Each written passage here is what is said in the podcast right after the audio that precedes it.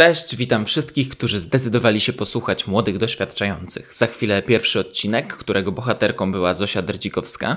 To nie była tylko bardzo ciekawa rozmowa, ale pozwoliła mi też poznać Zosię na nowo, bo znamy się już kilka lat. Dowiecie się też, że jesteśmy bardzo kiepscy z matmy, no i oczywiście jaki jest pomysł Zosi na siebie. I wtedy tego nie wiedzieliśmy, ale mikrofon Zosi stał na balladynie. Jeśli chcecie dowiedzieć się o co chodzi, to wysłuchajcie tego odcinka do końca. Wielkie dzięki dla Mateusza Sforakowskiego, który jest autorem jingla do podcastu. Sforak, pozdrawiam Cię najmocniej na świecie. Oby ta melodia pozostała z nami na długo. Zapraszam.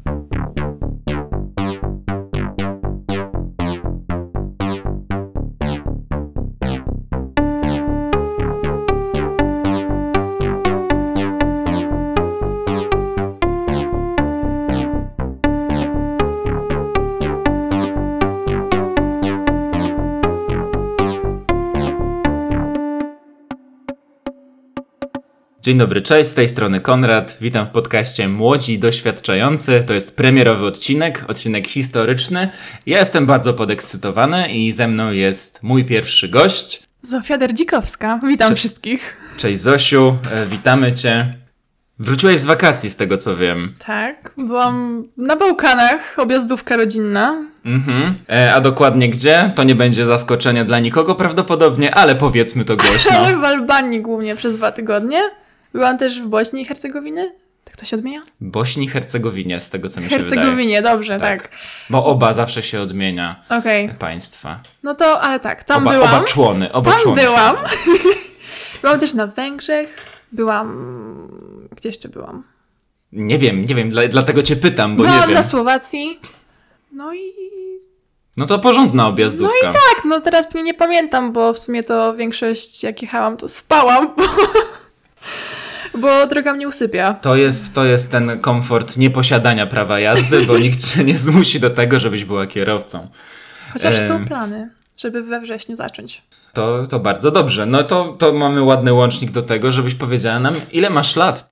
Mam 18 lat. Masz 18 lat, więc z tego co mi się wydaje, jesteś tegoroczną maturzystką. Tak. No to stoisz na takim, takim rozstaju teraz, że trzeba zdecydować, gdzie iść i co robić. Tak, ale ja już uważam, że mam to zaplanowane, że już wiem, gdzie mam iść. Dobrze, dobrze, no to super. To Co jest... prawda, jeszcze przed wyjazdem na wakacje na Bałkany nie wiedziałam, ale teraz już się tak wszystko ułożyło, ponieważ po prostu stwierdziłam, że jolo, krótko mówiąc, i po prostu złożyłam y, zgłoszenie do warszawskiego studium aktorskiego. Mhm. I się dostałam. I się dostałaś. Tak. Czyli to nie jest tak, że tam po prostu się zgłaszasz, płacisz pieniądze i. Yy... Znaczy. To znaczy tak, płacisz, płacisz. Tak, płacę pieniądze, ale na początku dostałam maila, że będę po prostu, moje zgłoszenie będzie sprawdzała cała kadra i wszyscy mhm.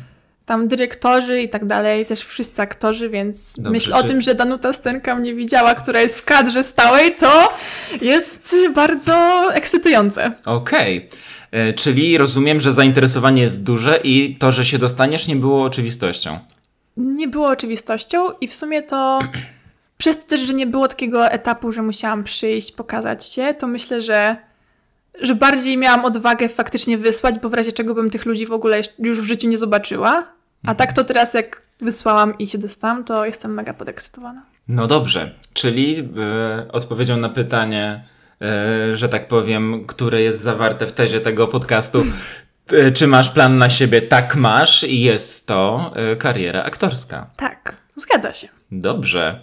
No to, no to w ogóle super, czyli mam nadzieję, że to jest twój pierwszy wywiad, który dajesz i jak e, za powiedzmy 50 lat już będziesz sławna i będziesz rozpoznawalna i przede wszystkim wybitna, to ktoś e, odkurzy ten, ten na, tą, tę naszą rozmowę i i może wtedy nawet e, i, i o mnie ktoś, ktoś powie.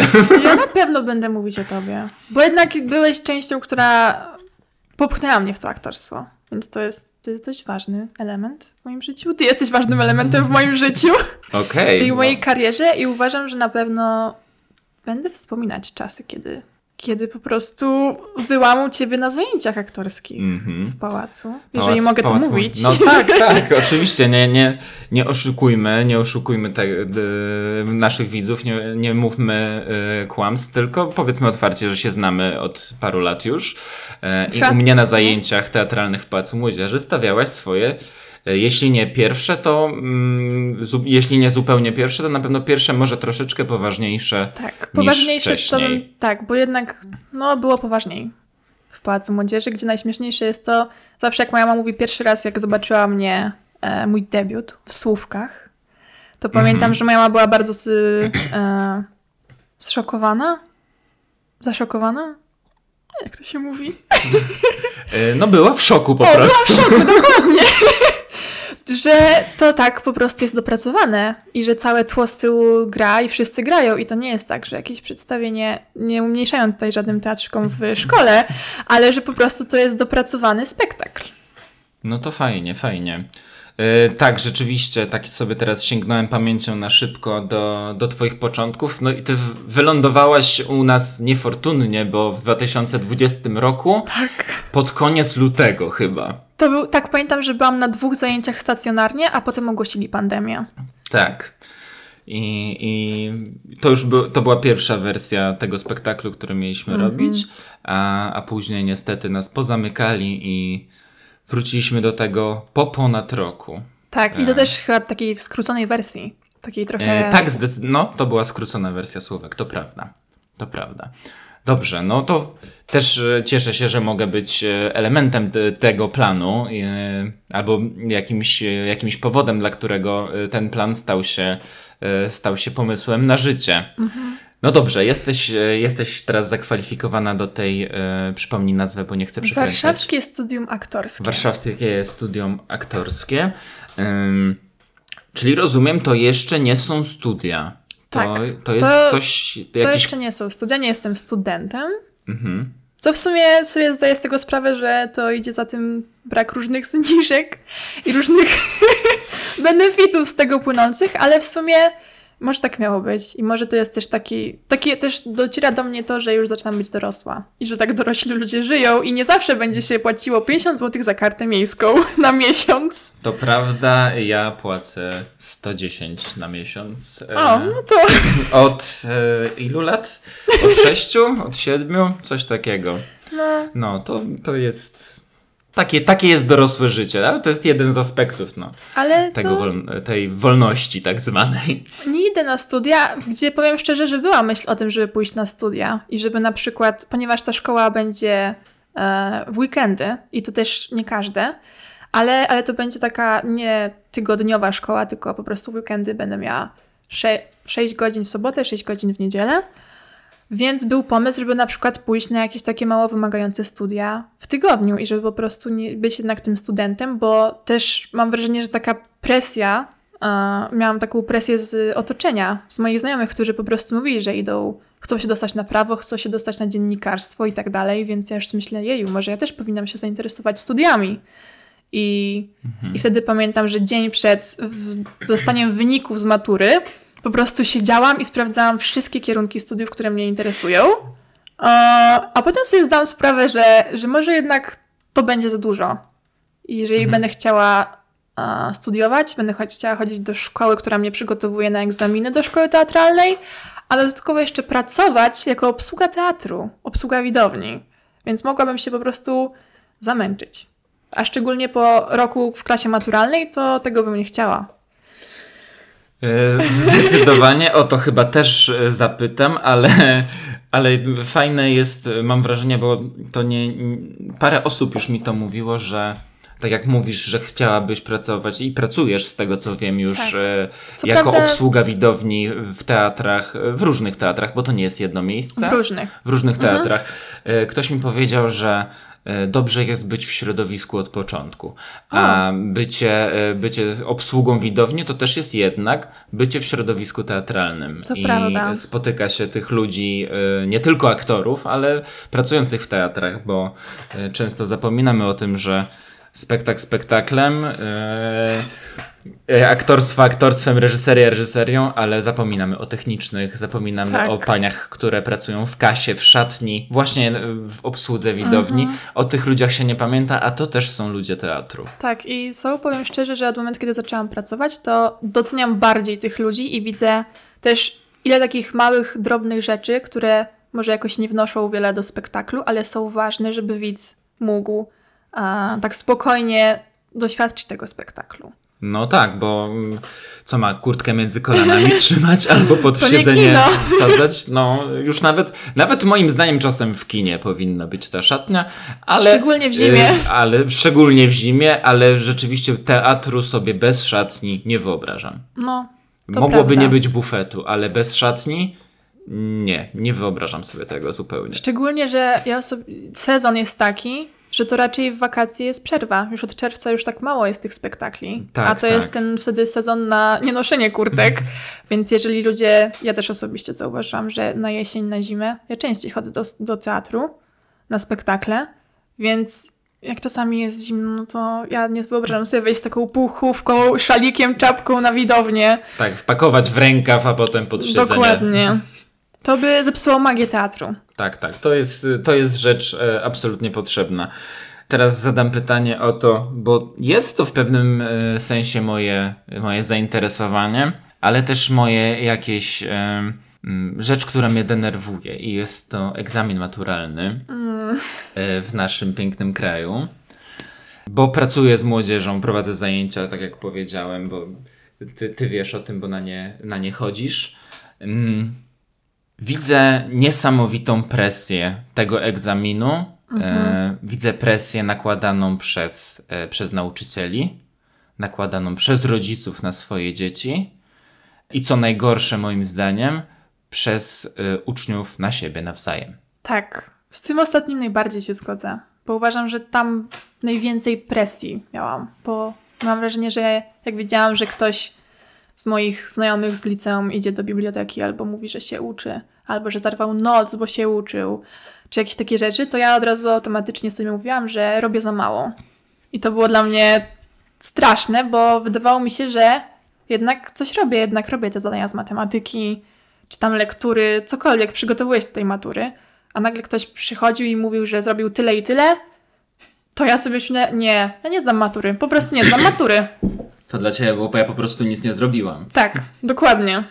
Mimo tego, że na przykład, nie wiem, zrobiłam danego wieczoru po prostu milion zdań z matematyki, które cały czas moja matematyczka mi zadawała. I, I zrobiłam je wszystkie, zrobiłam dobrze, to nagle ktoś okazało się, że robił jeszcze więcej. Wtedy mi jakoś tak to, ten cały, to cała radość z tego, że zrobiłam tyle i się przygotowałam, nagle tak znikała. Uleciało tak, wszystko. Tak, uleciało wszystko. Teraz jesteś już po maturze, już znasz wyniki, wiesz, mhm. wiesz jak ci poszło teraz na zimno, z perspektywy czasu, jak miałabyś ocenić y, te wszystkie starania, całą tę presję, y, naukę po nocach, to wszystko, co jest związane obecnie z egzaminem maturalnym i ze stresem y, związanym z tym egzaminem, czy to wszystko jest potrzebne, czy to ma jakiś cel, widać wymierne efekty tego wszystkiego, czy jest to zupełnie niepotrzebne i i lepiej, e, lepiej by nam było bez tego, a przede wszystkim uczniom. Na pewno ten stres trochę mnie motywował, żeby jednak zdać tą maturę i żeby jednak być jakoś przygotowaną do niej. Ale myślę, że jednak ten cały taki stres z tym, że. No bo jednak to jest coś, do czego się przygotowuję przez 4 lata liceum. Plus też jeszcze w ogóle, jak byłam w podstawówce, no to też te podstawy się budowało, żeby potem w liceum zdobyć wiedzę, żeby móc zdać tą maturę. I Jedyne, co mam wrażenie, że po prostu powinnam sobie powiedzieć, że ten czwarty rok jest tym takim rokiem na powtórzenie tego wszystkiego, przygotowanie się do matury i, i tyle. A ja po prostu miałam wrażenie, że matura to jest jakiś egzamin, który będzie rzutował na całe moje życie, które po prostu y, to będzie taka wyrocznia, czy mi się uda potem, czy nie. I to było straszne i patrzenie się na maturę w ten sposób tak trochę mnie zjadało od środka i właśnie um, przeszkadzało w tej takiej nawet swobodnej nauce, bo myślę, że, jakbym była mniej zestresowana i mniej myślała o tym w tym właśnie aspekcie, że, że to jest coś, co po prostu będzie rzutowało potem na całe moje życie, na wszystko, co będę robić później, to, to uważam, że by mi się wiele lepiej uczyło i swobodniej bym to wszystko robiła i, i tak spokojnie. No bo tak mi się wydaje właśnie, zresztą wynika e, ten mój pogląd z tego, co mówisz, że ta matura ma pokazać, kim ty jesteś. Że, ta, że taki jest pogląd w ogóle na to, e, na ten zwany też u nas egzamin dojrzałości, mhm. co moim zdaniem jest wielką bzdurą, bo to nie jest wcale egzamin dojrzałości, bo egzamin dojrzałości to jest całe nasze życie. Dokładnie. A to jest po prostu egzamin z wiedzy, którą nabywasz e, w szkole, ponadpodstawowej. Dokładnie. I to jest wszystko. Dokładnie. I mam wrażenie, że każdy, pot... znaczy, bo też dużo osób mi mówiło, że ta matura, które już zdały maturę, że to nie jest takie big deal, że tak powiem. To jest po prostu coś normalnego, każdy to zdaje, każdy to będzie zdawał, zdawał i w ogóle to będzie normalne. To, jest część życia każdego człowieka. I wszyscy mówili, że oni też się stresowali przed maturą, ale potem po maturze kiedy już byli po wszystkim, to stwierdzili, że to nie było warte tego całego stresu. I wszyscy mi mówili, kiedy ja już byłam w klasie maturalnej, że nie powinnam się stresować. Ale zanim ja doświadczyłam tego na własnej skórze, no to nie do końca słuchałam i nie wierzyłam tym osobom, które mówiły, że to naprawdę to nie jest nic takiego. Po prostu zwykły egzamin. No to ja im trochę nie wierzyłam, a potem jak już sama zdałam maturę, napisałam, dostałam wyniki, to stwierdziłam, ha, w sumie to, to było nic wielkiego. No właśnie, i to nie jest, przy, przypominamy, jeśli ktoś nie chce na maturze zakończyć swojej edukacji, że to nie jest ostatni egzamin, jaki, Dokładnie. jaki was czeka w życiu. No, więc jak nas maturzyści słuchają, w ogóle uczniowie, którzy, przed którymi matura, nie stresujcie się. Tak, bo po to, co? To nie jest warte tego wszystkiego. Tych, te nieprzespane noce też. Po prostu lepiej się już wyspać, niż szaleć z jakimiś informacjami i po prostu czytać wszystko, zakreślać notatki. Nie. Już lepiej, żebyście się wyspali, żebyście myśleli na, na teście następnego dnia. To jest moja rada dla maturzystów. Czyli przede wszystkim odpoczynek, tak naprawdę. Tak. Szczególnie odpoczynek taki regenerujący. Taki, żeby głowa była pusta, czyli w sumie najbardziej psychiczny odpoczynek. Tak, dokładnie. Bo ja pamiętam, że pierwsze dwa tygodnie moich wakacji, jak już po maturach byłam, to ja po prostu przespałam. Bo mam wrażenie, że cały stres ze mnie wychodził i te wszystkie nerwy też wychodziły w formie tego, że byłam zmęczona i chciało mi się spać. Także, mm. także sen jest najważniejszy. Polecamy wszystkim sen w takim razie. E, dobrze, Zosiu. E, czyli jesteśmy już po maturze, jesteśmy w, stu w warszawskim studium aktorskim mhm. E, i to będzie trwało rok. Tak. I co, co zamierzasz później? Później no to będę chciała pójść na egzaminy do szkoły teatralnej, do Akademii Teatralnej, do tutaj Akademii... w Warszawie. W Warszawie. A czy jeszcze, jeszcze któraś e, taka właśnie mm, Akademia Teatralna albo jakieś, jakieś szkoły filmowe może Cię interesują? Bo aktorstwo, e, aktorstwa się naucza różnie. I, i różne można mieć e, dzięki temu, dzięki temu doświadczenia, wyniki i od tego, bo od wyboru szkoły być może, ja nie wiem, ja nie jestem absolwentem żadnej mhm. akademii teatralnej, więc nie wiem, ale przypuszczam, że e, może być tak, że jaką szkołę skończysz, taką aktorką będziesz. Może coś w tym być, ale powiem szczerze, że teraz na ten moment to się interesuję tylko szkołą w Warszawie, ponieważ uważam, że nie jestem jeszcze gotowa na to, żeby w razie czego się przeprowadzić gdzieś do innego mhm. miasta. Ale to też może się zmienić na przykład za rok, kiedy już w czerwcu będę podejmowała decyzję i się okaże, że na przykład, nie wiem, będę gotowa pojechać do, do tego Krakowa albo do Łodzi. Bo to też jest w sumie zabawne. Na początku myślałam, że tylko w Warszawie zostanę i będę tam się dostanę, ale w międzyczasie dostałam takie informacje typu no, ty jesteś typem krakowskim. Jeżeli chodzi o. To tak, ciekawe. Tak, jeżeli jak już rozmawiałam z osobą, która właśnie też prowadzi takie kursy, taką po prostu też akademię trochę teatralną, przygotowującą trochę do, do tych egzaminów, no to powiedziała, że on jestem typem e, krakowskim i powinnam się zainteresować Akademią Teatralną w Krakowie. Więc się zainteresowałam i w sumie to stwierdziłam, że czemu nie, że może tam faktycznie będzie miejsce dla mnie. Ale potem jeszcze był, y, była osoba, która mi powiedziała, to też jest zabawne, która była na balladynie i oglądała mnie w Teatrze Studio. Mhm. To powiedziała, że ja mam takie mimikę bardziej pasującą do, do filmowej. Więc stwierdziłam, że kurde, to może jednak na przykład do łódzkiej filmówki, bo tam jednak oni się trochę tym filmem bardziej interesują i zajmują, więc może tam też pójść. Mhm. Ale chwilowo jednak stają na Warszawę. Może za rok to się zmieni, nie wiem. Zobaczymy. Dobrze, zaraz będziemy przechodzić e, do, e, do części, w której będziesz opowiadać dlaczego i co cię ukształtowało do tej decyzji, ale pojawiła się, pojawił się temat balladyny przed chwilą i nie wszyscy o tym wiedzą i nie wszyscy e, rozumieją, co masz na myśli, mówiąc balladyna. Dlatego myślę, że powinnaś troszeczkę poświęcić czasu teraz pojęciu pod tytułem balladyna i opowiedzieć o co tak naprawdę chodzi. Usłyszałem przed chwilą e, nazwę Teatru Studio, mm -hmm. więc to jest mhm. profesjonalny teatr, e, teatr w Warszawie na placu Defilat z bardzo długą tradycją. Mm -hmm. Więc, e, więc bardzo chciałbym posłuchać, o co chodzi z tą balladyną. Żeby rozwinąć tutaj naszym słuchaczom, to ja grałam balladynę, główną postać, balladynę, e, w spektaklu Balladyna. I to był spektakl z ramienia Akademii Młodego Aktora w Pałacu Młodzieży. Dostałam główną rolę, gdzie w ogóle tego się nie spodziewałam, ponieważ to była klasa maturalna, a balladyna to była jednak wymagająca rola, bo byłam w większości scen. Więc byłam naprawdę wdzięczna, że Konrad obdarzył mnie takim zaufaniem i, taką wiarą we mnie, naprawdę.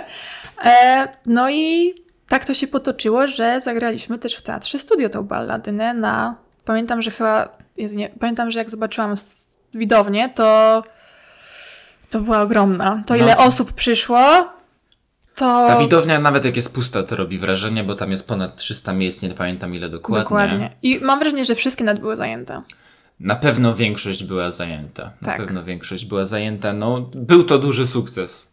Był sukces i w ogóle takie pierwsze zetknięcie się z tym profesjonalnym aktorstwem, gdzie też pamiętam, jak byłam w garderobie w Teatrze Studio, na scenie, podczas próby technicznej, za kulisami, to ja poczułam to takie coś, takie uczucie, że to, to jest to, że ja chcę to robić. Ja się czuję tutaj swobodnie, mimo tego, że pierwszy raz jak tam weszłam i zobaczyłam, jakie to wszystko jest ogromne, to myślę, nie, ja tutaj się pogubię, w ogóle ten spektakl nie wyjdzie i ja tutaj, nie, ja się, ja się boję, ja tutaj się nie odnajdę, a minęła chyba godzina czy dwie i już po prostu chodziłam sobie swobodnie po korytarzu, do garderoby, tutaj toaleta, coś tam, coś tam, więc... No, praca z profesjonalną obsługą jest cudowna. Tak. Jest y, niesamowita i o tyle niesamowite też było to przeżycie dla mnie, jako prowadzącego tą grupę. Jako reżysera. Że Mhm. E, e, najbardziej niesamowite było to, jak e, po ludzku, jak normalnie jesteśmy traktowani. Nie byliśmy traktowani jako. Tak jako jakaś grupka, która sobie przyszła i wynajęła salę i mhm. trzeba odbębnić swoje, tylko byliśmy traktowani z, no, jak, jak, jak też profesjonaliści, jak Dokładnie. I, jak, jak profesjonaliści, no bo jakieś słowo mi uciekło, niestety, kurczę, tak, było dobre. już artyści, z którymi się pracuje na, na co dzień, bo tak. ja pamiętam, że trochę też się stresowałam tym, że tam jest już tyle ludzi profesjonalnych, którzy robią to już kilka lat i w ogóle znają to miejsce lepiej niż my, a się okazało, że, że po prostu są przemiłymi osobami, które też pamiętam, że się świetnie z nimi rozmawiało i się pytali nas i chcieli też nas trochę bardziej poznać, więc też jakoś tak miło się zrobiło na sercu, jak się okazało, że, że oni traktują nas takie dzieciaczki z pałacu młodzieży, które przyszły i sobie będą grać na scenie, tylko jednak jako tacy, no ci profesjonalni artyści. Tak, z, z szacunkiem po prostu. Dokładnie. Z szacunkiem do drugiego człowieka, nawet nie do aktora czy artysty, po prostu do człowieka. Tak, mimo tego, że właśnie no, róż, trochę różnicy wieku było, to, to traktowali nas poważnie.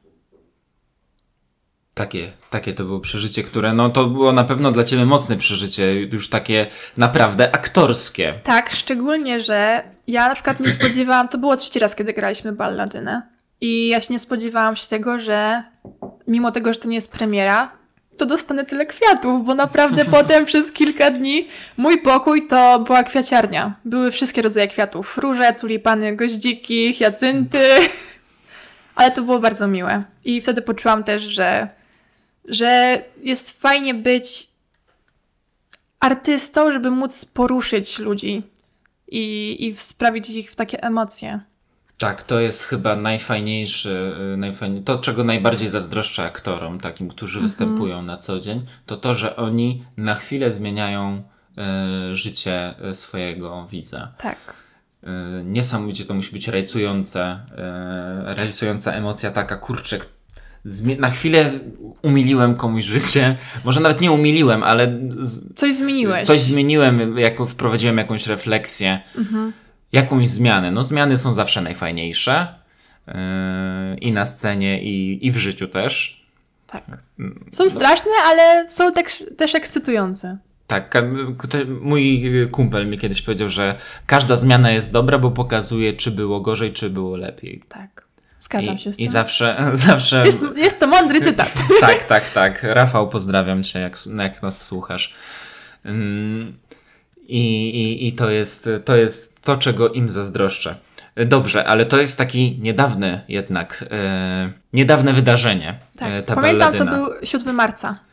E, to był 7 marca i to się chyba nawet zbiegło z E, z rocznicą którąś setną tak, chyba e, którąś... pierwszy, premiery balladyny w ogóle na świecie, która była w Lwowie. Tak, to prawda. To był ten dzień, kiedy... To jest ten dzień, który tutaj pozdrawiam wszystkich ludzi, którzy są zainteresowani astrologią, ponieważ to była pełnia księżyca i dodatkowo była już, to była ponad setna chyba rocznica właśnie wystawienia balladyny po raz pierwszy na deskach e, nie pamiętam którego teatru. W Lwowie mam wrażenie. W Lwowie? A, no Chyba to tak. w Lwowie. I pamiętam, że to był ten dzień, dokładnie Niestety 7 nie marca. jesteśmy tutaj przygotowani, ale zawsze możemy y, skorzystać z tego. Mam y, z naszego gdzieś internetu w telefonie. Y, fantastycznego. Ja, ja, mam screena w telefonie, bo ja to zostawiłam sobie. No to będą poszukiwania. Będziemy no, musieli to wyciąć chyba. tak, chyba tak, ale jest mnóstwo. Z... O, mam. W 1862 w Teatrze Skarbowskim w Lwowie wystawiono po raz pierwszy tragedię balladyna Juliusza Słowackiego. 7 marca. 7 marca, dokładnie tak. Czy to ile lat? Bo ja z matmy Od kiepski 1862 to jest 38 138 105, 162 lata chyba? To też chyba wytniemy. Dobrze, to... Na y, pewno ponad 100. Na pewno ponad 100 i przy tym, przy tym zostańmy. Więc ta balladyna była dużym wydarzeniem. Ale co było wcześniej? Jak, jak, y, jak w ogóle, skąd się wziął pomysł, żeby iść na zajęcia teatralne? W sumie to tak naprawdę jeszcze chyba nigdy nie podziękowałam mojej koleżance Agacie z liceum, gdzie teraz może jeżeli nas słyszy, to Ci dziękuję bardzo za to, że mnie przeprowadziłaś na te zajęcia do Pałacu Młodzieży ponieważ ja chyba jakoś wspomniałam, kiedy rozmawiałyśmy w szkole, że kiedyś byłam w kółku teatralnym w, w podstawówce i że w sumie to bym chciała spróbować, bo mi się podobało wtedy. No i zaprowadziła mnie na zajęcia i pamiętam, te pierwsze zajęcia były dla mnie straszne, ale w takim sensie, że po prostu ja byłam przerażona, yy, bo wszyscy wiedzieli, co robić. Wszyscy, bo to też weszłam w trakcie spektaklu, więc to nie było tak, że zaczynałam od początku, wszyscy poznawali swoje role, tylko tutaj już było coś zaczęte, już wszyscy znali swoje teksty, wiedzieli, gdzie się ustawić na scenie, a ja pamiętam, że weszłam na tą scenę i tylko mi co chwila ktoś szeptał masz teraz stać yy, prosto tutaj, nie ruszaj się, a teraz siedź, ale musisz być wyprostowana, a teraz skręć głowę tam, więc, więc tak. I też pamiętam, że wtedy pierwsze słowa, które do mnie powiedziałeś, może, może nie pierwsze, ale jedne z pierwszych, to tylko nie licz na żaden tekst.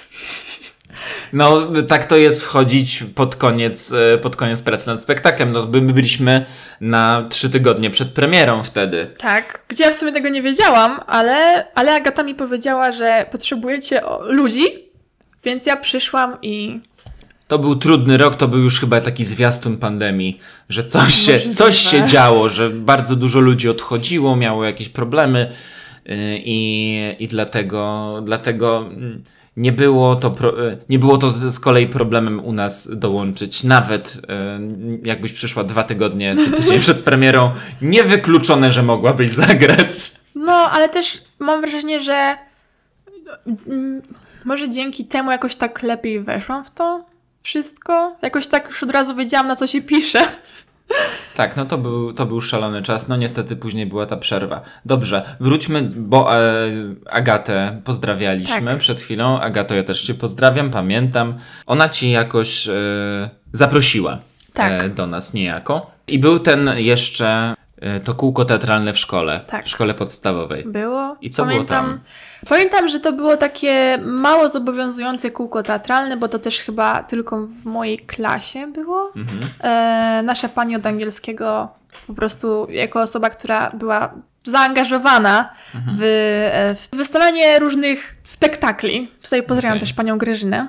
E, jeżeli na pewno e, zmuszę, żeby przesłuchała ten, ten odcinek. Bo ona też tak trochę zaraziła mnie tym teatrem. Mhm. Tak pokazała, że tym można się bawić i, i, że można fajnie tutaj, w ogóle te kostiumy nasze, które były totalną prowizorką, to uważam, że, że, były, że to była super zabawa po prostu. I tak jak wtedy pamiętam, że to była siódma, ósma klasa, to, to pamiętam, że ten teatr był trochę taką odskocznią od tych przygotowań do egzaminów ósmoklasisty. Mhm. I też pamiętam, że miałam mega, mia, miałam wrażenie też, że pod koniec tej podstawówki poznaję swoje osoby z klasy lepiej przez, ten, przez granie, wspólne granie na, na różnych spektaklach. I, I też pamiętam, że jeździliśmy na, na różne festiwale i pamiętam, że w elektroniku graliśmy, gdzie potem się dowiedziałam, że elektronik to w sumie jest obok szkoła też taka przygotowująca do tych egzaminów teatralnych. E, więc, więc potem jak już stwierdziłam, że grałam na scenie w elektroniku, no to sobie myślę, że to też tak taka wtedy też taka mała, może wtedy była taka mała iskierka, która zaczęła to wszystko. Mhm. Czyli tak w sumie podeszłaś e, do, ty, e, do tych zajęć przeprowadzonych przez panią Grażynę e, jako odskocznie, jako wyciszający jakiś tak. element twojego życia, małą przyjemność, mhm. a później jednak występ przed, przed dużą publicznością bardziej popchnął cię do tego, żebyś. E, tak. Znaczy, znaczy występ też... przed dużą publicznością pokazał ci, że to jest fajne. To jest, Dokładnie. E, że poczułaś, że faj, fajnie jest to przeżywać, że te emocje e, cię budują, mhm. e, dzięki nim czujesz się lepiej. E, I dlatego e, postanowiłeś kontynuować ten nikczemny proceder. Tak, chociaż to też było zabawne, ponieważ jak skończyłam podstawówkę, to jakoś nie wiązałam potem przyszłości z teatrem i w ogóle nie myślałam o tym, żeby potem pójść na jakieś zajęcia teatralne. Ale jak usłyszałam od Agaty, że ona chodzi na takie zajęcia i że jest super fajnie, no to stwierdziłam, że w sumie to mogę spróbować. Mogę jeszcze raz powrócić do tego na nowo. I, i się udało. I tak naprawdę, no to y, występ w Teatrze Studio było tym takim talnym zapalnikiem do wszystkiego, ale wcześniej jednak ten taki już poważniejszy spektakl mój, już w naszym, naszej, na naszej scenie w Pałacu Młodzieży, to przy moderatorze. Mhm. Gdzie to też jest jedna z naszych sztuk. Bardzo mi się podobała, bo to jednak był spektakl, gdzie musiałam stworzyć postać, a wcześniej tego w ogóle nie robiłam.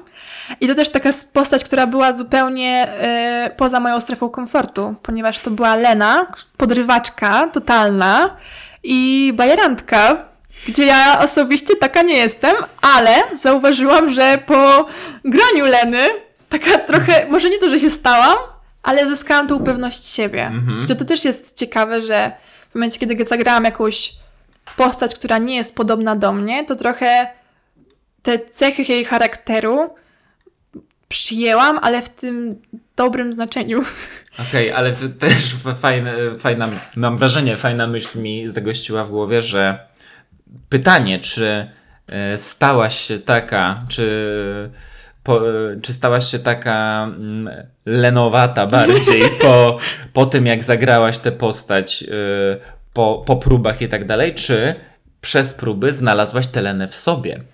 która już tam była i się dopiero uaktywniła? To też jest ciekawe pytanie w sumie. Bo... Czy nabrałaś cech, czy znalazłaś te cechy w sobie? Do tego dążyłem. Mm, no rozumiem o co chodzi i w sumie to, to jest ciekawe, bo nigdy wcześniej na to tak nie patrzyłam. Myślałam, że jednak po prostu gdzieś znalazłam Lenę, ale że nie w sobie. Mhm. A teraz myślę, że może jednak znalazłam ją w sobie, którą trzeba było tak odkopać. Bo, bo jednak teraz zauważyłam, że jak już się, no powiedzmy, odkopało tą Lenę w sobie w środku u mnie, to, to jednak te cechy trochę mi pomagają nawet na co dzień, bo mam tą pewność siebie po prostu. Mhm. Więc, więc też jest, jestem wdzięczna bardzo Lenie za, za odnalezienie tego w sobie i może po prostu Lena była od początku we mnie, ale czekała na swój moment time to shine po prostu. Teraz jest. No. To jest ciekawe. Ja sam nie, nie, sam nie znam tej odpowiedzi, ale y, myślę, że jest to ciekawy taki, y, ciekawa perspektywa, która, która y, odpowiedź jest prawidłowa.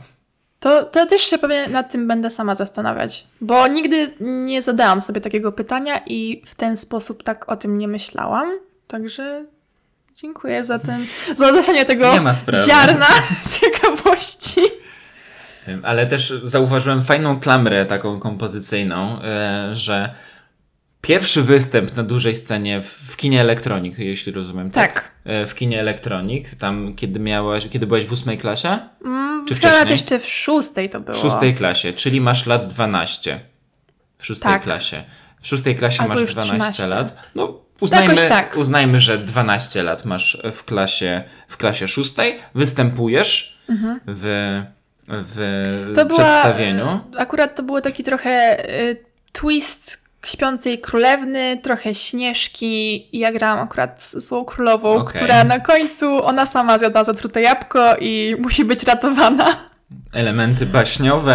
E, W kinie Elektronik Mhm. Zła Królowa. Pierwszy duży występ, gdzie poczułaś, że kurczę, chyba to jest to. Mhm. I później, 5 czy 6 lat później, balladyna w teatrze studio, która utwierdza cię w przekonaniu, że tak to jest to, taką drogą chcę iść. No. No, nie, ba, bardzo ładna Bardzo kompozycyjna. e, ładna klawra, już nie mówiąc o tym, że teraz sobie zdałam sprawę, że w sumie to balladyna z tą złą królową to, to trochę takie podobne, ale, ale jednak się, no nie wiem, jakoś tak teraz jak to wszystko jest omówione i postawione przede mną, to sobie zdaję sprawę, jakie to jest fascynujące w ogóle. Że taka mała Zosia dwunastoletnia, która grała na scenie w kinie Elektronik, to jestem ciekawa, jakby zareagowała, gdyby się jej powiedziało, że słuchaj, za 5 lat będziesz grała w teatrze studio balladynę główną rolę. Także idź w to, idź w to. No to, to jest właśnie ten paradoks podróży w czasie, że nie wiemy tak naprawdę, co by się stało, gdyby ktoś nam powiedział, że za rok będzie to i to. Dlatego też Czy byśmy do tego dążyli? Czy byśmy zrobili zupełnie coś innego? No ale to już jest taka rozkmina na, na zupełnie inny odcinek. to jest rozkwina, ale dlatego też sobie nie zamykam tych dróg do Krakowa i do Łodzi. Bo mówię sobie, bo już nauczona tym, co się może zdarzyć w ciągu roku po pandemii, ale też Mhm. no, teraz przed chwilą, co powiedzieliśmy, to stwierdzam, że nie powinnam e, sobie już zakładać, że w przyszłym roku, w czerwcu, będę iść tylko do e, Warszawskiej Akademii Teatralnej. Poza tym można złożyć papiery na trzy wybrane uczelnie. Nie Dokładnie. wiem, jak to jest, przy, czy przy uczelniach artystycznych jest inaczej. No, tam trzeba będzie jeździć na egzaminy w razie czego. Jak będą tego samego dnia, no to będziesz musiała wybrać. No tak. No ale jeszcze No, ale zobaczymy. to zobaczymy w, To dopiero za rok. w czerwcu. Zobaczymy. w- Już nie za rok, bo czerwiec jest. No, już mamy e, sierpień. Tak, już jest sierpień i to połowa niedługo się zbliża. Dzisiaj jest 11 sierpnia. Nagrywamy. Tak. Nagrywamy 11, a kiedy wypuścimy, to się okaże. Ale takie są początki, prawda? Mm. E, Właśnie jeszcze a propos początków, e, nie będzie na pewno nagrania z tego, e, z tego odcinka, bo wyglądamy komicznie. Tak. Siedzimy sobie przy drewnianym stole, każdy ma mikrofon, ponieważ nie mamy statywów jeszcze, więc każdy mikrofon stoi na kilku książkach, żeby był na wysokości naszych ust. E, Zosia e, jako, jako fanka e, balladyny, jako twórczyni tej roli wybrała sobie Słowackiego. książki Słowackiego. Tak. i na trzech, na czterech tomach Słowackiego. To są dwa tomy listów na pewno i dwa tomy nie wiem czego, może nawet jest tutaj balladyna, ale teraz nie będziemy sprawdzać, a ja jako, jako antagonista mam cztery tomy Mickiewicza. I na, na czterech tomach Mickiewicza stoi mój mikrofon, e, więc... e, Tak, bo, tak, bo e, mimo wszystkiego nagrywamy. Mimo Ale- wszystko nagrywamy na pamiątkę, e, więc machamy do kamery. E, No, jest, jest to y, podcast pełen kultury. Dokładnie. Tak. Tak, sztuka, kultura, literatura to to, czym się zajmujemy. To o co bym cię teraz spytał? Dobrze, Zosiu. No jesteśmy już na, e, na etapie, już przebrnęliśmy tak naprawdę e, od podstawówki aż do, e, do dzisiaj. Mhm. Gdzie jesteś dzisiaj? Więc zajrzyjmy trochę w przyszłość. Zróbmy tę podróż w czasie. Przyszłość? Czy... Przyszłość, tak, o. przyszłość.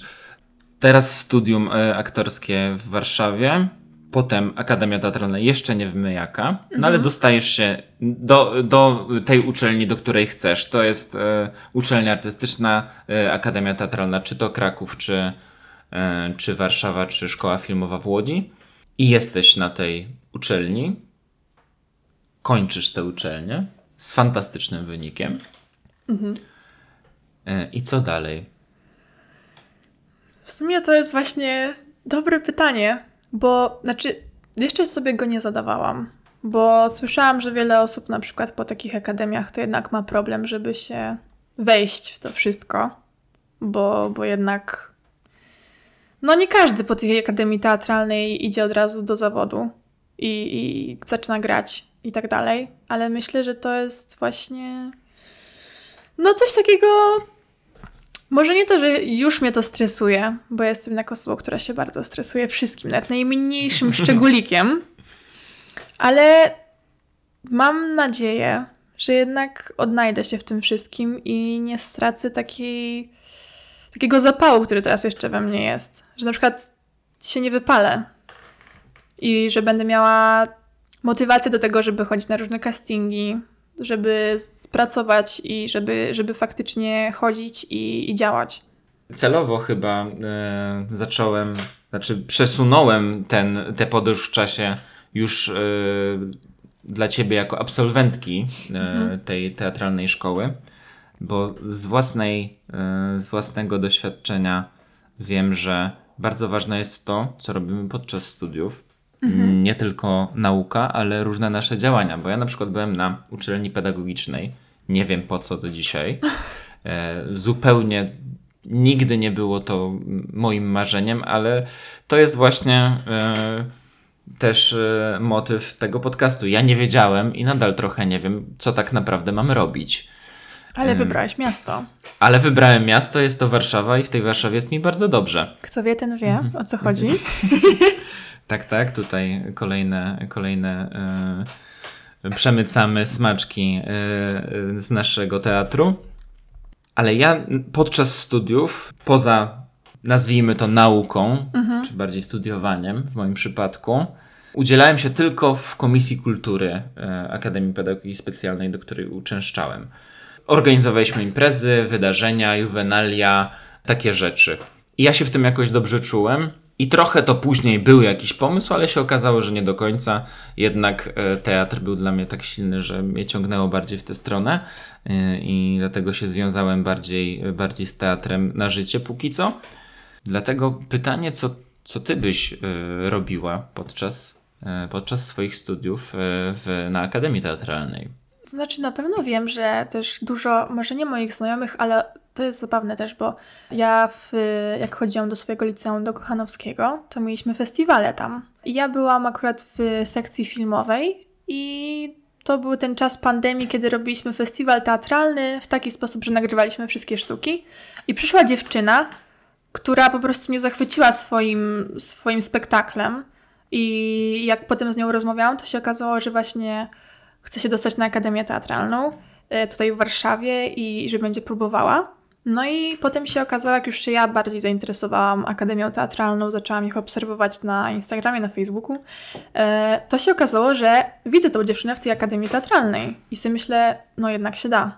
Bo mhm. pamiętam, jak z nią rozmawiałam, jak mówiła o tym, że ona teraz chodzi na różne festiwale, takie organizowane przez licea i właśnie swój e, spektakl wystawia i gra w nim. Tak teraz zobaczyłam ją wtedy w Akademii Teatralnej. Zaczęłam ją obserwować też tak już prywatnie. I po prostu ona też mi pokazała, że, że się da, a potem jak zobaczyłam, jak ona właśnie pracuje nad właśnie i w Akademii Teatralnej, to też zobaczyłam, że ona też jakieś takie dodatkowe rzeczy robi dla siebie. Takie, może nie dla siebie, ale widać, że też pracuje na przykład w różnych, nie wiem, gra w teledyskach albo gdzieś w ogóle bierze udział w jakichś castingach, potem gra w jakichś serialach, więc to też dało mi do myślenia, że może nie trzeba, jak już się jest w Akademii Teatralnej, nie powinno się zamykać tylko na te rzeczy, które są w Akademii Teatralnej, tylko mhm. jednak też próbować i też w innych e, tych płaszczyznach, że tak powiem, nie tylko na deskach teatru, tylko też i w filmie, i w ogóle w jakichś teledyskach, no bo w sumie czasami to tam też trzeba coś zagrać. To też jest ciekawe, gdzie niby leci piosenka, ale ty musisz odegrać jakąś taką no jak jest fajny teledysk, to czasem jest lepszy od piosenki. No, no to też prawda. Jak z dobrą historią, wręcz fabułą, to piosenka z, w, wydaje się być drugorzędnym tak. elementem tego teledysku. Tylko soundtrackiem tego teledysku. Mhm. Ale no też tak sobie pomyślałam, że faktycznie nie trzeba się zamykać na to, co oferuje nam Akademia Teatralna. I trzeba też trochę samemu szukać. Plus też uważam, że tutaj kluczowe jest, żeby szukać trochę znajomości. Mhm. Co trochę jest takie. Hmm, nie wiem, dla mnie osobiście nie jestem osobą, która, która lubi wykorzystywać te znajomości, bo jednak mam też wrażenie, że coś jakoś mi kojarzy z takim, że ona to, to zna tych ludzi, to łatwiej było. Ale w sumie czasami te znajomości mogą pomóc, ponieważ można po prostu poznać kolejnych nowych ludzi, i którzy, którzy się tobą zainteresują i już ci dadzą tą pracę albo to doświadczenie, które będzie ci potem potrzebne w pracy. Mhm. Więc to też słyszałam właśnie, e, to też jest tak, żeby zobrazować to, to już jako, jak pracowałam jako obsługa widowni, to słyszałam dużo historii, że ludzie podobni jak ja, którzy chcą się dostać na Akademię Teatralną, pracują jako obsługa widowni, poznają aktorów i była jedna dziewczyna, która potem jak się dostała e, chyba na reżyserię i miała już e, nie pamiętam, czy to była taka sesja, czy to już był dyplom, czy coś w tym stylu, ale miała zadanie, żeby po prostu w swoim spektaklu, żeby zagrał ktoś już taki w zawodzie, po prostu aktor. A przez to, że ona pracowała w obsłudze widowni, no to poznała już wielu aktorów, no i między innymi yy, Katarzynę Figurę. I po prostu one się tak zakolegowały, tak się hmm.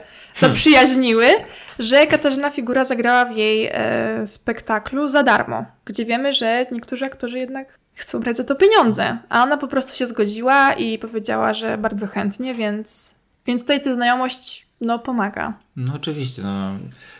Stety i niestety, ale warto znać e, ludzi, którzy mogą nam pomóc. Tak. Szczególnie. W ogóle warto znać ludzi i z tymi ludźmi rozmawiać. Dokładnie. Ale to mo, mogą, mogą być e, tego zalety, e, takich nawet, takie zalety, jakich się nie spodziewamy. Właśnie też może sobie myślę o tym, że tak jak wcześniej na to patrzyłam trochę negatywnie, na to, że znajomości i tak dalej. Tak teraz trochę patrząc, jak ten świat wygląda, jeszcze go tak dokładnie nie znam, ale już go tak powoli poznaję nawet z jakiejś relacji innych ludzi, to myślę, że te znajomości wcale nie są takie złe i w sumie to po prostu one są potrzebne, ale też takie istniejące w tym życiu aktora. Że one będą cały czas. Że to jest naturalna, naturalna część tego środowiska. Tak, że też. jednak to też jest tak, że na przykład jeżeli jakiś reżyser zna aktora, i już go poznał, no to wiesz, na przykład w jakimś swoim kolejnym spektaklu ta osoba się najlepiej y, spełni. Wie, jak z nią pracować. Dokładnie. To jest, to jest element chyba każdej, y, każdej branży. Nie tylko w tym kraju, ale i na świecie. No, jak kogoś znasz, to dobrze. Chyba, że się dasz, y, że ten ktoś znacie od tej złej strony i wtedy wiadomo, że no, nie. No, tam już, tam już gorzej. Czyli po prostu warto dbać o swoje interesy. O swoje interesy, swój chwili. wizerunek. Każde spotkanie może być szansą. Dokładnie. Więc to też zastanawiam się, czy na przykład nie będzie, jeżeli będę gdzieś szła już nawet na jakąś imprezę, już tak, już idziemy po prostu w totalną przyszłość, kiedy ja już jestem po szkole aktorskiej i już mi się wszystko udało i mam poznawać nowych ludzi, ponieważ to już jest ten etap, kiedy, nie wiem, jeśli chodzi na jakieś after party po premierze, czy coś w tym stylu, to zastanawiam się, czy będę mogła w pełni właśnie sobie poimprezować, czy będę miała nadal z tyłu w głowie, że jesteś trochę w pracy i powinnaś tutaj dbać o ten swój wizerunek i się tak prezentować tym różnym ludziom, którzy potem będą mogli cię do jakiegoś projektu zaciągnąć. To mhm. też jest takie... Okej, okay, tutaj trochę czuję z twojej strony obawę trochę o to, tak. czy twoje życie nie stanie się twoją pracą. Mhm. To, to też, ale z drugiej strony ja sobie powtarzam też, że że jednak jeżeli tak, bo na scenie ja czuję zamiast tremy ekscytację mhm. i też w ogóle to, jak wszystko się tak mega cieszę, jeżeli w ogóle jestem w teatrze. To jest też zabawne. Jeżeli ja już siedzę na widowni, mimo tego, że nie gram, to ja czuję mhm. po prostu ciarki i, i ja czuję, jakbym była w domu. jakbym była, że jestem w dobrym miejscu. I myślę sobie, że może jednak ta cała ekscytacja i miłość do teatru, do grania, do aktorstwa, to może jednak będzie silniejsza niż ta obawa, że będę cały czas w pracy. Że jednak nie będę czuła, mhm. że jest, nie będę czuć, że jestem w pracy, tylko że jestem. Że trochę będziesz ponadto. Ponadto i też, że będę po prostu robić to, co kocham. Mimo wszystko. No to jest super, super wizja w ogóle. Aż ci zazdroszczę. Aż ci zazdroszczę z jednej strony marzeń, ale to, to już mi nie wygląda na marzenia. To już jest dla mnie, jak tego słucham, to już jest dla mnie konkretny plan. I że ty jesteś absolutnie nastawiona na cel. Że tutaj nie ma żadnego, a może bym poszła, może bym była aktorką. Nie, to jest już poważna decyzja. Tak jest moje wrażenie. To już mhm. jest twoja poważna decyzja, że tak, będę i nieważne, y, co się z tym wiąże, biorę wszystko i dobro, i zło. To, to bardzo mi miło, ale też właśnie miałam takie obawy, kiedy miałam tą przerwę pomiędzy. Jak już skończyliśmy grać ostatnią balladynę i te emocje już opadły, ja sobie zdałam sprawę, że okej, okay, teraz bo zrobiłam sobie przerwę wtedy od teatru, żeby przygotować się do matury, bo byłam tak zestresowana, że nie zdam. No ale uważam, że to nie było potrzebne. tylko już końcowo teraz mówiąc z tej perspektywy czasu, to pamiętam, że e, miałam takie wątpliwości, jak już nie byłam w tym teatrze tak już cały czas, mhm. to zastanawiałam się, czy jednak to jest to, co chcę robić. Że te wątpliwości były. Pojawiły się jednak. Tak. I one były do momentu właśnie, kiedy nie wysłałam zgłoszenia do Warszawskiego Studium Aktorskiego. Jak się dostałam i jak już wiem, że będę zaczynać e, od 9 września tam naukę, no to już, już te obawy minęły. I to, co chcę z sobą zrobić, to już wszystko minęło. Więc to jednak jakieś obawy były przez moment. Mhm. Ale teraz już ich nie ma. A przynajmniej są mniejsze. Czy z każdym dniem po prostu utwierdzasz się w przekonaniu, że to jest to? No w sumie tak. No to fantastycznie. Janek, ja bym chciał tak te paręnaście lat temu wiedzieć, co chcę robić. Znaczy, też właśnie sobie myślę, że czasami mam takie myśli, że to nie jest standardowy plan, e, który, którym każdy idzie, bo jednak moi znajomi poszli na stud- idą na studia i będą studiować przez kilka lat, potem może pójdą do zawodu właśnie już od razu. No też taki trochę model widzę u swoich rodziców, którzy byli na studiach, potem mhm. pracowali, założyli rodzinę.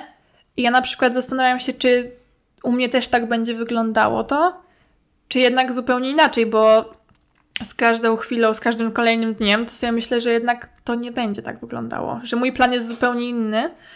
I też przez to trochę się zaczynam, znaczy nie to, że zaczynam, ale jednak są takie obawy, że może jednak przez to, że to nie jest coś, co każdy przeszedł w mojej rodzinie i gdzie wiedzą, jak, ja wiem, jak to wygląda, to czy coś innego będzie też skuteczne. Nie wiem, czy czy mnie wszyscy zrozumieją, e, ale... To znaczy ja widzę to tak, że po prostu nie idziesz utartą ścieżką i stąd mhm. się pojawiają też obawy, ale tutaj jest... E, ważną rolę moim zdaniem będzie odgrywać to, co, co chciałem poruszyć, czyli wsparcie twojej rodziny.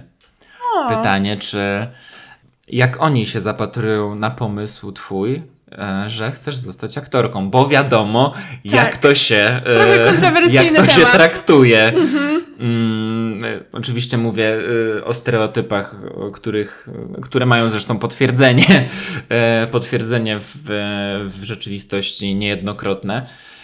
Co na to po prostu twoja rodzina, twoi bliscy, twoje otoczenie, bo nie tylko, nie ograniczajmy się tylko do rodziny, e, ale też twoi przyjaciele, znajomi jacyś. E, co oni o tym wszystkim sądzą? No, na pewno moja rodzina jest bardzo wspierająca i wierząca we mnie, co nie było tak od początku ponieważ chyba największym przeciwnikiem tego pomysłu, jak już zaczął on tak wykwitać we mnie, kiedy, kiedy przyszłam na zajęcia, już byłam po pierwszym spektaklu, po drugim mhm. spektaklu i zaczynałam to wszystko czuć na nowo i wiedzieć, że to jednak, to jednak jest to i mi się to wszystko podoba, to największym przeciwnikiem e, był mój dziadek, który powtarzał, że z tego chleba nie będzie i po prostu, no, ja nie wiem Zosia, czy ty sobie poradzisz, ale w momencie, kiedy zobaczył mnie już na deskach teatru i jak mhm. zobaczył, jak ja gram i w ogóle zobaczył mnie po spektaklu, jaka jestem szczęśliwa, to stwierdził, że jednak że jednak mi to dobrze idzie i że dał wtedy mi błogosławieństwo na to, że mogę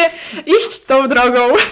Więc. No to dobrze, dziękujemy dziadkowi, że tak, jednak zmienił też pozdrawiam zdanie. dziadka, ale też pozdrawiam całą swoją rodzinę, która na każdym spektaklu jest. I, I wtedy dają mi takiego po prostu powera, kiedy ich widzę na, na widowni.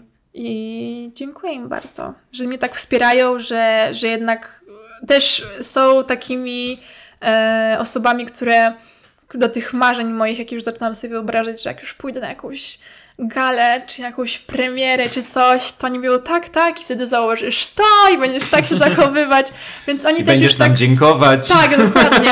Moja cała rodzina się śmieje, że, e, że jak już zdobędę Oscara, już będę mieć przemówienie za zdobycie Oscara, to żeby pamięta... żebym pamiętała, żeby o nich wspomnieć, żeby w swoim przemówieniu im podziękować. Także to też jest urocze, że, że oni tak, no już traktują to poważnie, tak samo jak ja. No to bardzo fajnie. To jest rodzina wspierająca, to jest też klucz, moim zdaniem, jeden z kluczy do osiągnięcia sukcesu. E, a chcę zapytać, bo wiem, że Twoja mama pracuje w teatrze. Tak. E, Pozdrawiamy moją mamę. Pozdrawiamy panią Kasię. Mm. E, pracuję w teatrze w, w, administracyjnym dziale, ale to tak. nadal jest teatr i to też są ludzie teatru, nie zapominajmy o tym. Tak, Jestem... bo chcę powiedzieć, że dzięki niej ten teatr ma scenę, ma LEDy i jest po prostu działający. Jestem ciekawy jej reakcji na Twój pomysł o zostaniu aktorką, bo jednak jest to osoba ze środowiska, tak. Osoba, która to środowisko zna bardzo dobrze i wie, e, wie, jakie są realia. Dlatego jestem ciekawy, jak ona zareagowała. Mm, tak, moja mama zna od zaplecza w sumie i wie, jak to wygląda, jak castingi wyglądają, bo to też się dzieje u niej w pracy tak naprawdę. I jak aktorzy potem pracują na próbach, jak w ogóle to wszystko wygląda. I na pewno, znaczy moja mama jest też bardzo wspierająca i ona we mnie wierzy i widzi ten zapał we mnie i tą pasję, więc jedyne co mi powtarza to, żebym zachowała jednak tą siebie, żebym jednak mhm. była sobą, bo ona właśnie jak jest na tym za kulisami i widzi to wszystko, to jednak widzi też, że nie wszyscy są wdzięczni nie wiem, mówi, że na przykład niektórzy jednak są y, z tych aktorów, to już po prostu im y, woda sodowa do, do głowy. Mhm. Y, nie wiem, jak dokładnie się mówi, przepraszam. Uderzyła. Uderzyła, uderzyła. dokładnie. I mówi, że, że oni po prostu jakby za karę byli w tej pracy. Mhm. I mówi, żebym, że jedyne co to boi się, żebym, żebym taka się nie stała. Jest, rozumiem, rozumiem te obawy, ale zastanawia mnie sodówka tych, e, tych aktorów. Czy to jest właśnie, e, czy to jest woda sodowa, która uderza do głowy, czy to jest już wypalenie zawodowe i oni przychodzą tylko do pracy. I tylko I nie przychodzą. Pieniądze. Tak, nie, nie przeżywają nic, bo to jest, to jest też to oczywiście zawód. Aktor to jest zawód, no to tak. nie jest tylko artysta. Mówmy się, za to też się dostaje pieniądze. tak, dokładnie. Więc pytanie, czy to, to może oni po prostu przychodzą do pracy tylko. Możliwe. Znaczy też z tej perspektywy na to się patrzy inaczej, tak? Moja mama na pewno też widzi, że we mnie, że ja mam tą, że może inaczej, też się pewnie przez ten e, aspekt, że widzi jak aktorzy zachowują się już, właśnie może już tacy, którzy już któryś raz z rzędu przychodzą i, i oni już są w tym zawodzie, już są zaklimatyzowani i już wiedzą, jak to wygląda, więc już traktują bardziej to nie jak pasję, jak hobby, tylko bardziej już jako pracę. To może też przez to moja mama mówiąc, żebym się tak nie zachowywała, albo przynajmniej tak się nie zmieniała, to właśnie chce mi powiedzieć trochę, żebym nie traciła. Tej... Żeby nie tracić pasji. Tak, żeby nie tracić pasji. Bo moja mama też powtarza mi, żebym Pyta się mnie czasami, czy ja jestem tego pewna. Czy to jest faktycznie coś, co sprawia mi radość i szczęście, i czy to jest coś, co chcę robić. I ja wtedy jej mówię, że tak. Ja jestem tego pewna, ale pytanie na przykład, czy jak już będę, nie wiem, no już za te 15-20 lat załóżmy, czy faktycznie będę miała takie samo podejście. To też są kolejne obawy, które trochę mhm. są we mnie. I to jest ta zmiana, która, na którą każdy z nas czeka. Mhm. Albo to, to jest w sumie zmiana, na którą byśmy nie czekali jednak, że, yy, że to będzie podejście tylko i wyłącznie jestem w pracy, wychodzę, do widzenia. Dokładnie. Znaczy, Ale pe też, pewnie jest to też zdrowe podejście. No, to też jest takie trochę oddzielanie pracy od życia, mhm. bo to też można się trochę no, zagubić. No bo jeżeli ma się jakąś taką rolę, która, która faktycznie już może wejść na, na psychikę, bo wiem, są takie historie, kiedy aktorzy... Są historie tragiczne nieraz. Tak, kiedy aktorzy po prostu, no, nie to, że za bardzo się wcielili w tą rolę, ale już taka za bardzo pochłonęła ich praca po prostu. I to też jest ważne, żeby, żeby jednak trochę to oddzielać, to swoje życie prywatne od, od postaci, które są, które się gra. Mhm. I, I żeby no, no tak. dystans w pracy artystycznej na pewno jest potrzebny. Tak, to jest po prostu chyba podstawa moim zdaniem. Chyba tak. Nie można być za bardzo, e, za bardzo z siebie zadowolonym po prostu, mhm. mówiąc w skrócie, ale wiadomo, że to jest e, rozległe, rozległy temat. Dobrze, czyli rodzina cię wspiera, a mm, czy są jacyś znajomi, którzy patrzyli sceptycznie na to? E, myślę, że znajomi nigdy, znaczy na pewno na początku też, tak jak rodzina, zanim mnie zobaczyli na, na scenie, to trochę tak też to jest zabawne, ponieważ ja osobiście nie lubiłam mówić o tym, że, yy, że gram w teatrze, że jestem aktorką i, i że po prostu tak się chwalić tym, że ja gram, ponieważ nie wiedziałam, jak oni mnie odbiorą w tym momencie i też nie chciałam im już kreować jakiegoś obrazu mnie, żeby jak już przyjdą na mój spektakl, to żeby, nie wiem, żeby teraz się nie kazało, że są zawiedzeni tym, co zobaczyli. Mhm. Więc tak naprawdę ja ich dopiero wprowadziłam w ten fakt, że gram w teatrze i, i że chcę to robić w momencie, kiedy zaprosiłam ich na swój pierwszy spektakl. Taki, to był chyba moderator właśnie. I kiedy już ten finalny produkt był gotowy i kiedy mogli mnie zobaczyć już, że tak powiem, w akcji i sami ocenić, czy czy faktycznie y, to jest to, co chcę robić i co mi się udaje, czy, czy nie. I jak zobaczyli mnie wtedy w moderatorze, to wtedy, jak już z niej rozmawiałam po, jak zobaczyłam, jaka jest u nich ekscytacja też i zachwycenie tym, jak ja w ogóle mogłam stać się zupełnie inną osobą niż znają, to stwierdziłam, że okej, okay, to, jest, to jest dobry znak, że jednak zareagowali w porządku i że wiedzą, że, że jestem w stanie to robić. Już jako mhm. tak w przyszłości, jako zawód w życiu normalnie. I teraz... Kurczę, czyli to jest y, każdy tak naprawdę. Mm, wiem, że to są bliskie osoby i mogą nie być obiektywne, mhm. ale każdy z Twojego otoczenia po obejrzeniu Cię na scenie mówi, że to jest to. Tak. To też jest zaskakujące, że chyba nie było takiej osoby, która. Znaczy, to faktycznie może nie być obiektywne, ale nie było osoby, która powiedziała, że nie, Zosia, nie idź w to. Mhm. Nie było czegoś takiego, więc to też jest jakiś znak, że, że jednak może ja dobrze to robię. Tak, i no też nic dziwnego, że y, taką drogę y, chcesz obrać, no bo wszystkie znaki na niebie i ziemi mówią, że tak, że to jest, e, że to jest to. Dokładnie. I więc, że nie ma co się zatrzymywać. Dokładnie, więc też myślę, że, że no, to są takie takie potwierdzenie, że, że to jednak jest to, Zosia. I że powinnaś w to iść. Jeżeli tak też otoczenie twoje cię wspiera, to jednak będziesz miała, miała tą, tą, tą podstawę, tak? To wsparcie. Mhm. Teraz też jak żegnaliśmy się w klasie maturalnej, to moi znajomi się śmiali, że no to do zobaczenia, jak już będziemy Cię widzieć w Teatrze Narodowym. Przyprowadzimy dzieci. Oni będą, oni będą wtedy oglądać, wtedy tak Cię tylko tak. będą mogli zobaczyć, bo będziesz tak zapracowana, że, Miejmy nadzieję. że inaczej się nie da. No oczywiście, ja Ci tego życzę yy, bardzo. Dobrze, to zrobimy teraz krótką przerwę. Tak. Yy, I zaraz wrócimy i yy, mam dla Ciebie pewną niespodziankę, bo wpadłem na taki pomysł i miałem przy tym mnóstwo zabawy. Mam nadzieję, że ty też się e, równie dobrze będziesz bawić. Dobrze. No i do zobaczenia. Wracamy za chwilę. Tak.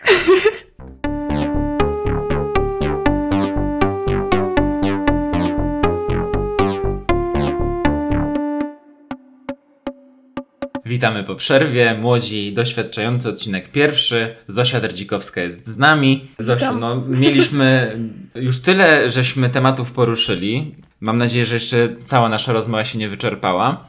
Ja parę dni temu, przed naszą rozmową, przygotowując się do niej, wpadłem na pomysł, że wpiszę Twoje imię i nazwisko e, w wyszukiwarkę Google'a i zobaczę, co wyskoczy. Bo teraz wyskakują takie rzeczy, a życzymy, żeby za parę lat wyskakiwały już inne. Żebyś wyskakiwała ty jako Dziękuję. ty. E, Ale też pierwsza- przyznam się na początku, że jak niektórzy tak robią, ja chyba nigdy w życiu tak nie zrobiłam. Że sama z siebie wpisałam swoje imię, nazwisko w internet i sprawdziłam. Więc to jest ciekawe, bo nie wiem nawet co wyskoczy. Nie wiem czego się spodziewać. O, no to widzisz, fajnie. Ja niestety przyznam się, że parę razy to zrobiłem ze swoim nazwiskiem, no ale z tego względu, że żeby zobaczyć, bo wie, wiedziałem, że parę osób może to robić, yy, że po prostu mogą mnie wyszukiwać, jak zacząłem właśnie pracę w pałacu, to tak z ciekawości mogli i rodzice, i uczestnicy moich zajęć po prostu wpisać sobie mnie w wyszukiwarkę i chciałem wiedzieć, co oni zobaczą. Po prostu.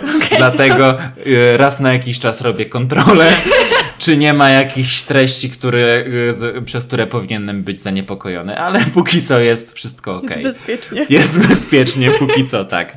Ale wpisałem, najpierw chyba Zofia Derdzikowska wpisałem Mhm. i pierwszą, pierwszym e, elementem, jaki wyskakuje, to jest Zofia Danuta Derdzikowska, pseudonim Leo i to jest sanitariuszka z Szarych Szeregów. Czy to jest twoja rodzina?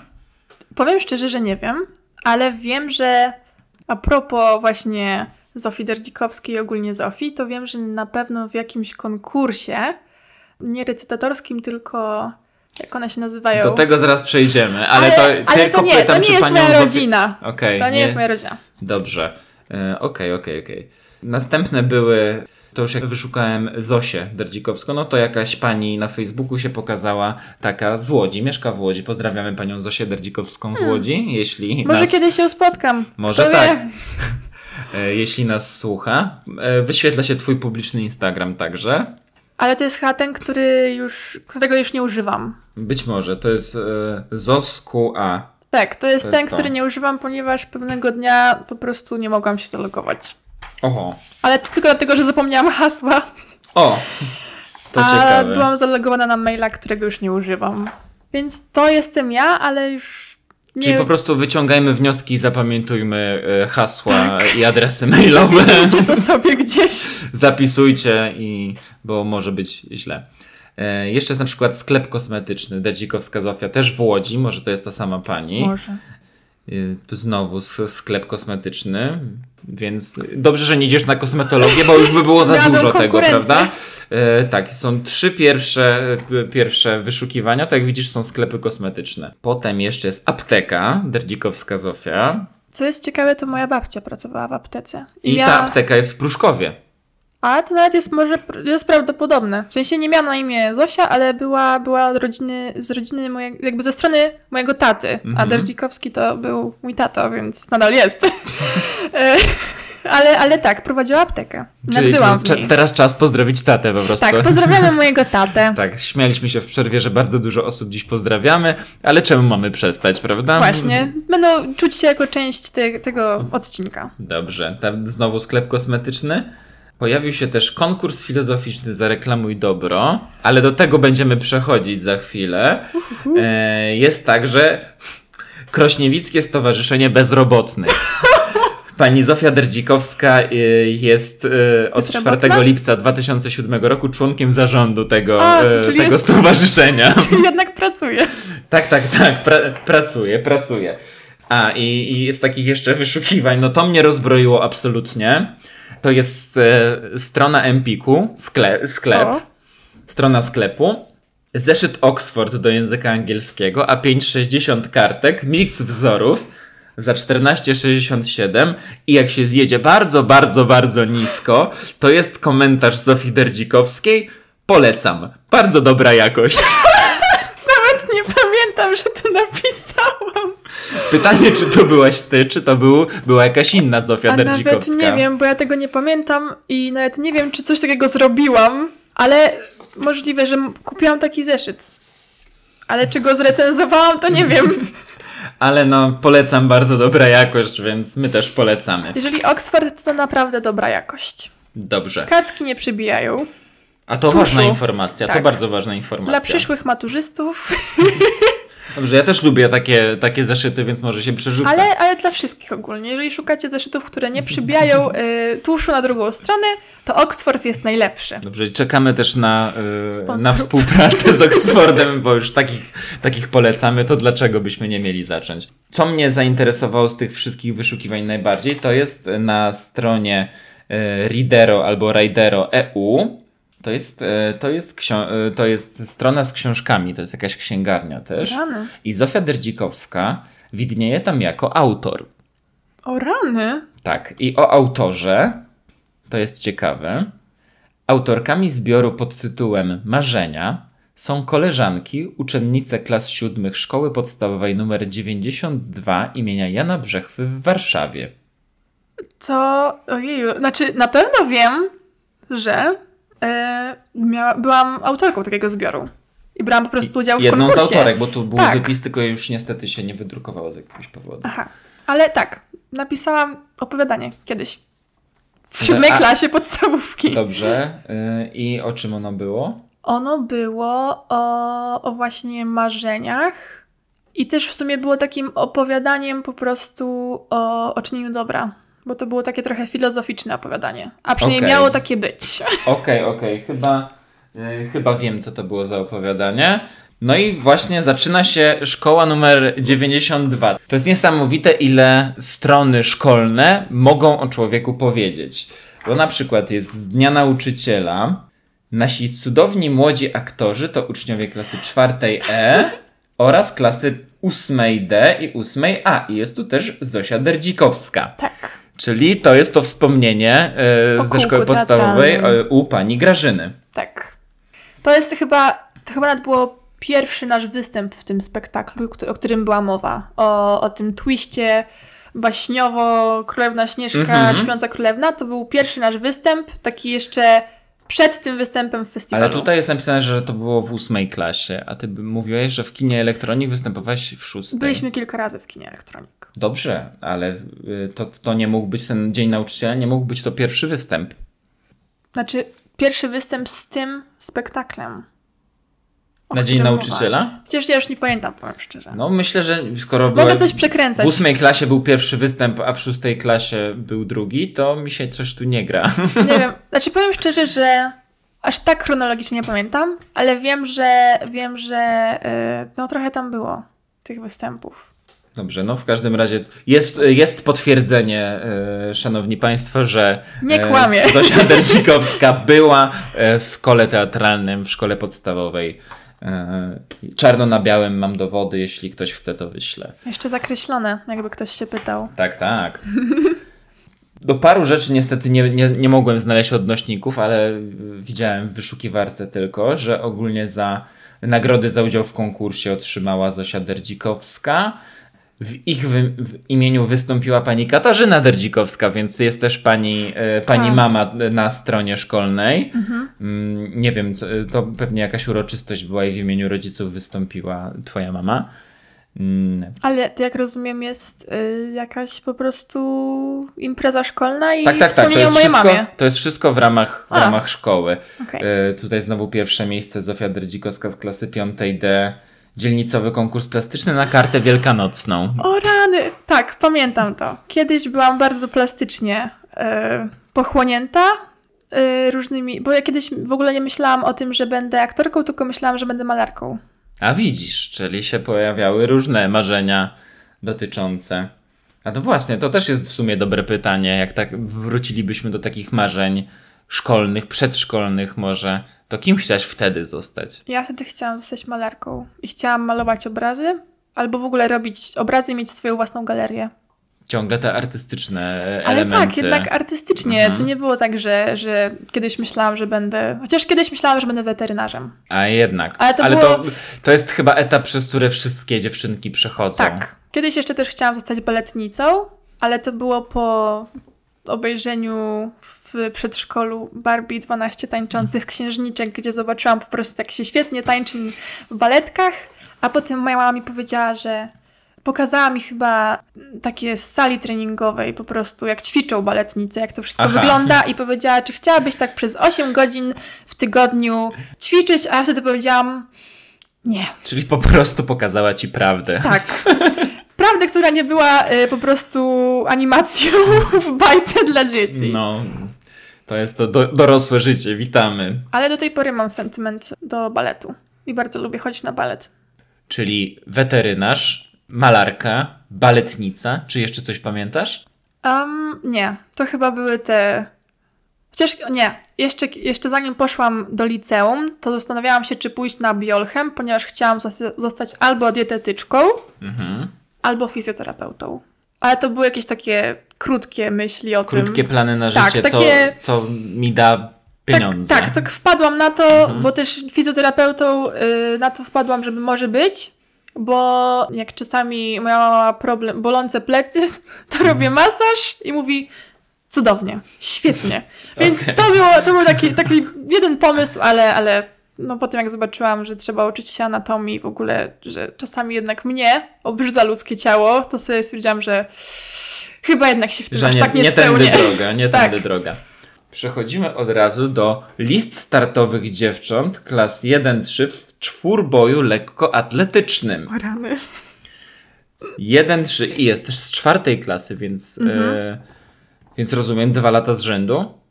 Trzecia i czwarta, czy było, był rok przerwy? E, Bo to jest 1-3 i czwarta klasa. Znaczy, dla wyjaśnienia to było tak. W, od pierwszej klasy e, dla wszystkich w naszej podstawówce był obowiązkowy czwórbój dwa razy w roku. Obowiązkowy. Znaczy, obowiązkowy tak, że po prostu się startowało. I tyle. Był Aha. taki dzień sportu, można powiedzieć. A myślałem, że jakaś e, zapomniana kariera sportowa tutaj odkryje Znaczy, i... to też było inaczej, ponieważ wszyscy brali udział, ale też byli po prostu członkowie e, klubu sportowego UKS Gepard. Też pozdrawiam UKS Gepard. Mhm, Okej. E, I po prostu oni bardziej już byli. E, znaczy, te czwórboje po prostu też potem e, się wybierało osoby na przykład na zawody już dzielnicowe, albo potem wojewódzkie i tak dalej.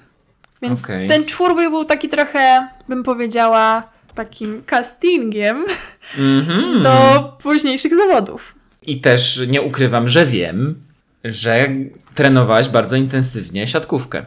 Tak, to było przez jakieś dwa lata, ale to było bardzo, bardzo intensywne treningi, ponieważ to były treningi na AWF-ie, e, Akademii Wychowania Fizycznego w Warszawie. I to już no tak było poważnie, bo to było trzy razy w tygodniu, po półtorej godziny. I pamiętam, że to było na początku dla mnie tak, żeby się ruszać, żeby jednak, e, bo ja od, za małego się ruszałam. No, trenowałam lekkoatletykę, to jak te czwórboje mnie trochę też motywowały do tego, byłam w klubie sportowym w podstawówce, to potem już w liceum no, ten sport trochę zniknął z mojego życia, ale potem jak e, podczas pandemii mój brat, którego też pozdrawiamy, Oczywiście. wszystkich tutaj dzisiaj pozdrawiamy, zaczął trenować na AWF-ie rzut oszczepem, to ja się zainteresowałam, bo się okazało, że też jest sekcja siatkówki dla, dla dziewczyn i tam dołączyłam i przez dwa lata trenowałam. I to też była trochę dla mnie taka odskocznia. Więc dla mnie osobiście sport i teatr to, to jest odskocznia taka z życia. Taka Taki, taki relaks. Psychiczno-mentalna. psychiczna, Dokładnie. No ale widzisz, jedna z tych odskoczni stała się twoim planem na życie. Więc co się stało, że sport się nie stał tym planem, bo to tutaj mogło być różnie. Tak jak w Harrym Potterze albo Neville, albo Harry mogły być wybrańcem, tak tutaj troszeczkę też poszła jakaś twoja decyzja. Też powiem szczerze, że y, podobną rozterkę miałam w ósmej klasie podstawówki, kiedy wiedziałam, że w sporcie mi świetnie idzie, ale też ten teatr wtedy zaistniał u mnie. I się zastanawiałam, czy właśnie pójść gdzieś do takiej szkoły na profil humanistyczny, tak artystycznie podejść, czy na przykład spróbować do jakiejś szkoły sportowej pójść. Ale wtedy stwierdziłam, że jednak nie czuję się aż tak pewnie w tym sporcie i on nie sprawia mi aż tak wielkiej radości jak teatr. Mhm. Więc jednak myślę, że ta miłość do teatru jest większa, a sport to po prostu jest taka przyjemność. Teraz już na to patrzę jako taką przyjemność. No bardziej hobby niż, Tak. e, niż coś, w co byś się zaangażowała bez granic. Mhm. No, mogę zdradzić mały sekret, bo go wiem. Zosia dla teatru zrezygnowała z treningów siatkówki w pewnym Tak. momencie. To prawda. To prawda, nie żałuję. Jedyne czego żałuję to, że jednak przestałam się tak regularnie ruszać. Że to mi tylko brakowało tego ruchu regularnego, ale uważam, że to jeżeli się człowiek zorganizuje, to sam może naprawdę się ruszać. Tak, no, zaplanować sobie dzień to jest połowa sukcesu. Tak. Mm, dobrze, przechodzimy dalej. To jest coś, co musiałem wydrukować i sobie gdzieś to zostawię, jakieś akta twoje założę, bo to Rany. jest wyniki 15 konkursu krasomówczego. O, tak. To tego słowa mi brakowało. Konkurs krasomówczy, a nie recytatorski.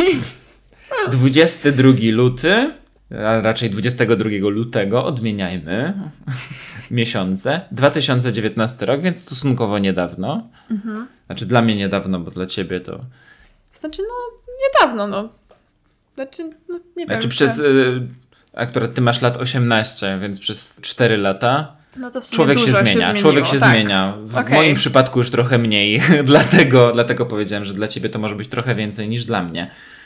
I to był, y, jak rozumiem, ogólno y, warszawski konkurs, czy nawet. Albo chyba nawet ogólnopolski. Nie, chyba na pewno mazowiecki, bo jest Piastów tutaj, Radziejowice.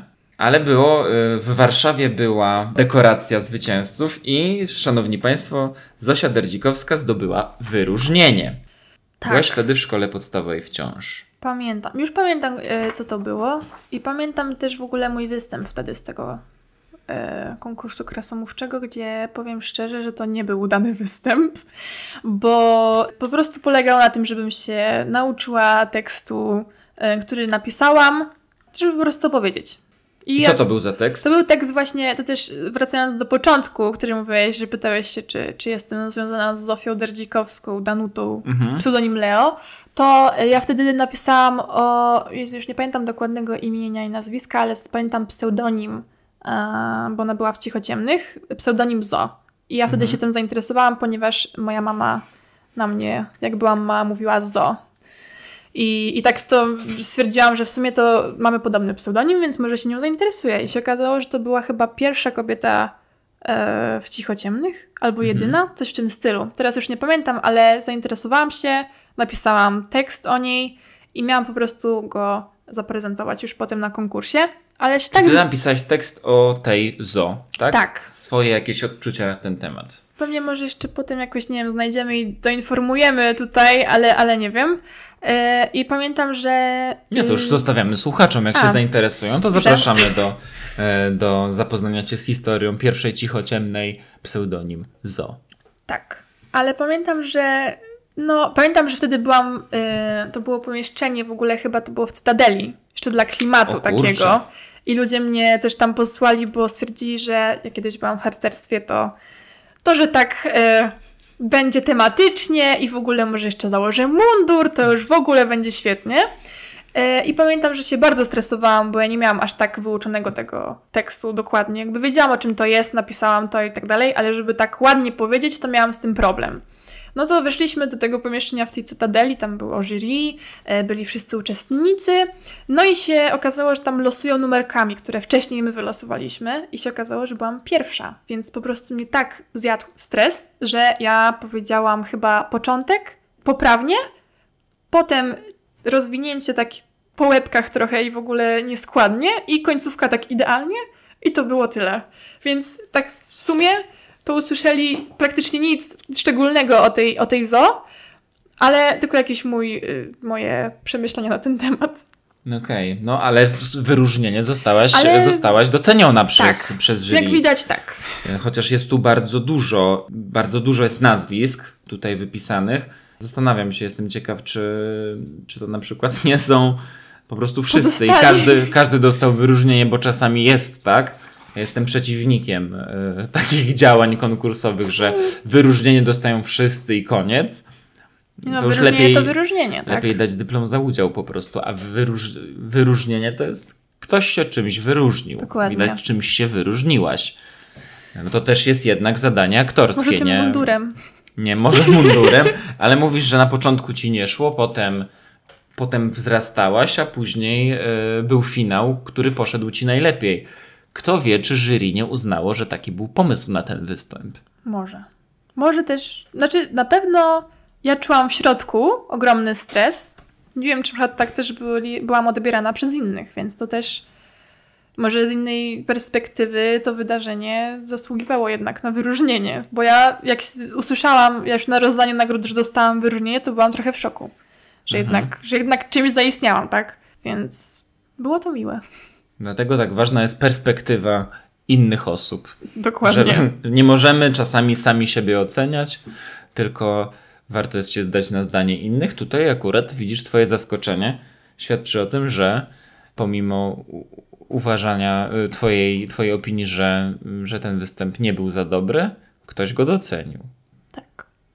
Więc y, czasami posłuchajmy innych. Tak, czasami można być zbyt krytycznym dla siebie, a tak faktycznie nie jest. Nie Dobrze. powinno być. O. Yy... I teraz wracamy znowu do szkoły. Co, co jeszcze znalazłem? Był konkurs Opowiadamy Legendy i uczniowie klasy 6D, Zofia Derdzikowska i jeszcze kilku, prezentowali legendę o Warszawie. Z tego co wiem, to to były jakieś nowe legendy chyba, czy nie? Czy to jest yy, inna historia ja jeszcze? Ja pamiętam ogólnie ten konkurs, ale nie pamiętam w sumie co mówiłam. Znaczy... Nie, jest? legendy nowe to były zupełnie coś innego. To było opowiadamy legendy, czyli yy, znowu występ aktorski. To tak. był. I tego już się pewniej czułam, ponieważ yy, to była jednak legenda i można było tak trochę zaczarować tą legendą słuchających, a nie przedstawiać fakty. I też pamiętam, że można było się przebrać. I ja nie pamiętam, jaką legendę dokładnie mówiłam, ale wiem, że byłam przebrana chyba jakoś tak za piekarza, coś w tym stylu. I pamiętam, że specjalnie na ten konkurs yy, wzięłam ze sobą trochę mąki, żeby się na policzkach tutaj. Żeby na rękach... charakteryzację tak, sobie charakteryzacja zrobić. była. I też pamiętam, że, że wzięłam, byłam cała ubrana na biało i specjalnie brałam yy, wieczorem przed tym konkursem spodnie mojego taty. Takie białe lniane. Były na mnie za duże, ale były idealne do, tego, do tej postaci. To jest jedyne, co pamiętam z tego konkursu. To, co mówiłam, nie. Hmm. I jeszcze 11 e, maja 2017 rozstrzygnięto ogólnopolski konkurs literacki Złote Piórko. Ojeju. E, I nadal jesteś w szóstej klasie. Napisałaś nieznaną legendę o Wiśle. O rany, ja tego nie pamiętam nawet. Kolejny epizod pisarski, bo musiałeś napisać sw swoje przemówienie krasomówcze o zoo i tutaj e, złote piórko i tutaj nawet jest nagroda. Ja tego w ogóle nie pamiętam. Kiedyś myślę też, że w sumie pisałam tylko dlatego, że moi e, znajomi w podstawówce dużo pisali. To też mhm. jest zabawne, jak czasami na mnie wpływa otoczenie.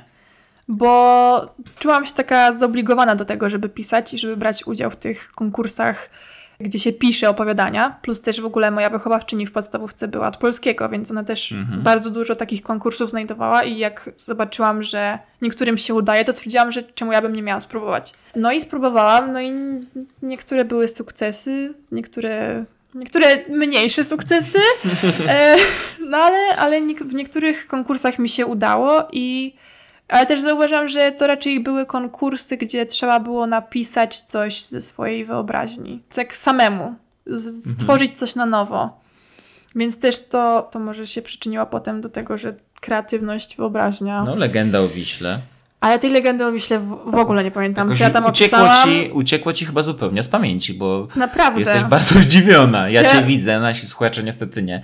E, widzę cię, że jesteś naprawdę zaskoczona, tak jakby to nie było o tobie jest taka możliwość, że napisałam coś takiego, ale w ogóle nie pamiętam, że zajęłam pierwsze miejsce. Znaczy właśnie Czy, chodzi o wiem. to, że tutaj jest napisane, że napisałaś mhm. E, tę legendę o Wiśle i że e, konkurs został rozstrzygnięty, ale nie ma nic o tym, czy coś dostałaś, zajęłaś, czy jesteś gdzieś.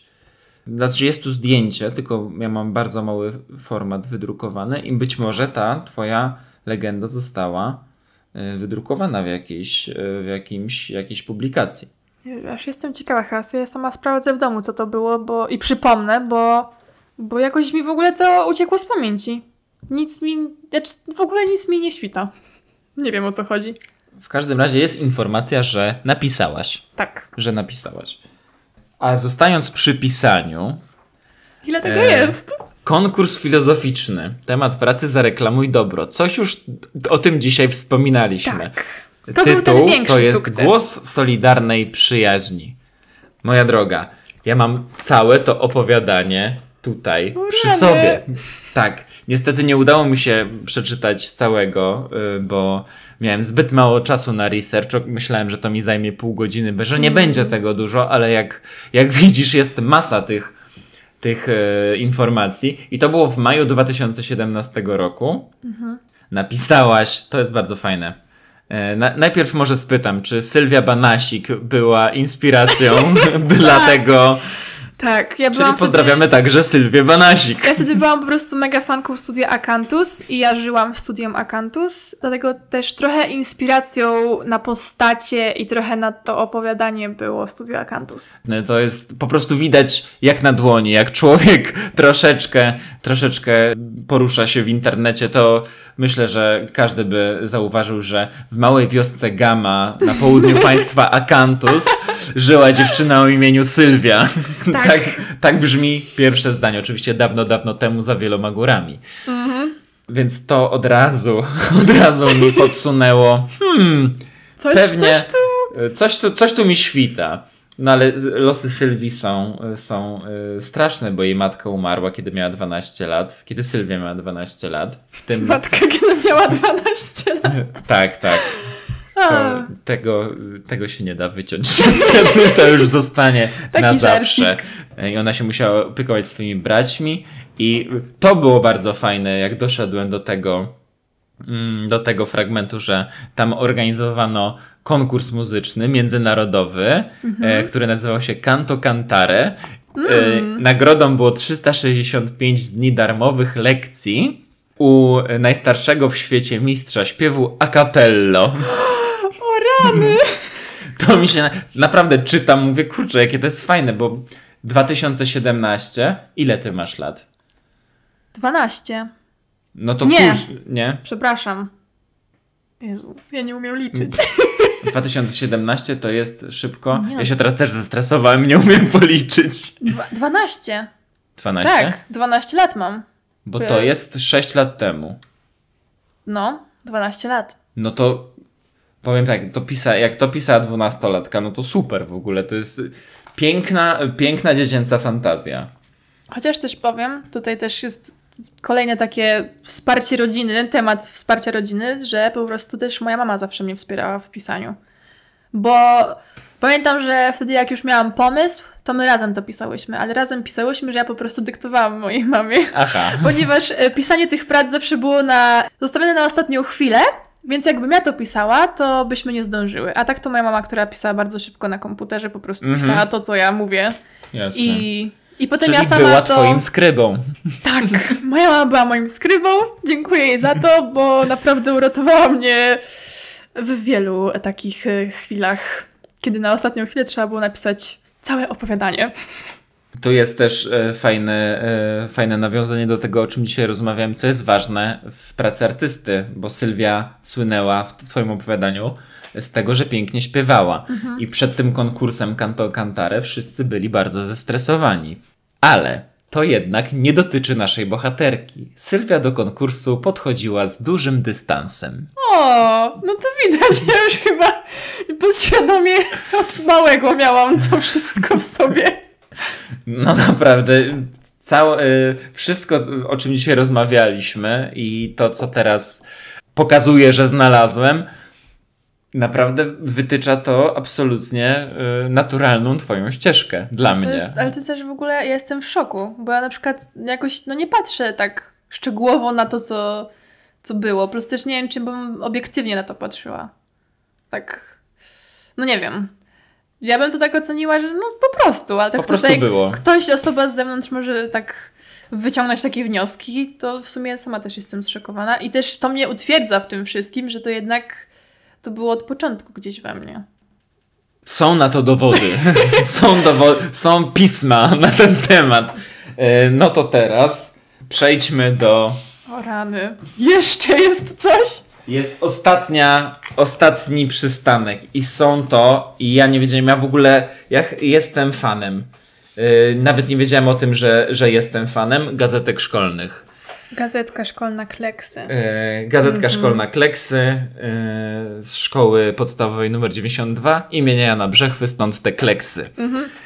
Ja jestem fanem gazetek szkolnych, bo to pozwala przede wszystkim e, dzieciom, uczniom poczuć, e, poczuć się, że oni coś tworzą. To jest mhm. niesamowite i potem to wszyscy czytają. To jest świetne, więc jeśli ktoś mnie słucha, jacyś nauczyciele szkolni, róbcie gazetki szkolne, takie drukowane. Wiem, że to papier, że trzeba oszczędzać ratować lasy, ale to jest coś niesamowitego. Przy okazji, może ja będę miał co wygrzebywać za parę lat o moich gościach.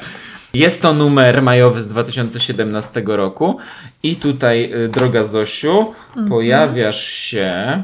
Tak, tutaj mhm. jest właśnie od razu nawiązanie do Twojego opowiadania. Nasza twórczość, praca Zofii Derdzikowskiej, wyróżniona w ogólnopolskim konkursie Dzieci filozofują. Kochana, twoje, y, Twoja twórczość została wydrukowana w czasopiśmie. O wow, ja nawet tego nie pamiętam. To jest aż tak. przyjemne tak spojrzeć na to z perspektywy czasu. Zostałaś wydrukowana w 2017 roku, mając 12 lat. W ogóle tutaj były też twoje pierwsze podrygi poetyckie, bo tam był fragment e, wierszowany w tym, e, w tym opowiadaniu. I to jak przeczytałem naprawdę całkiem niezły. Jak sobie jeszcze teraz pomyślę, że miałeś 12 lat, to naprawdę moje gratulacje.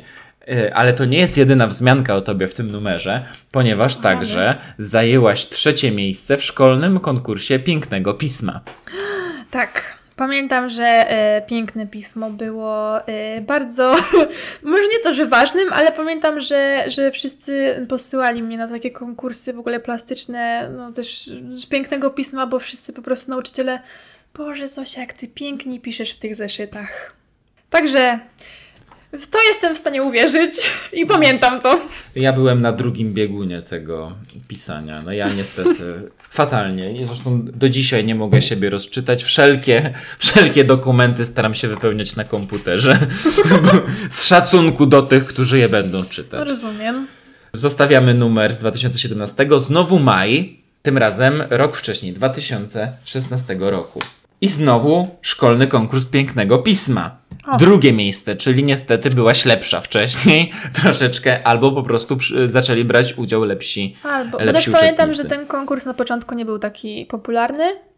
Potem ktoś już yy, tego tak rozpropagował, że, że więcej uczniów ze szkoły się zainteresowało. Mhm.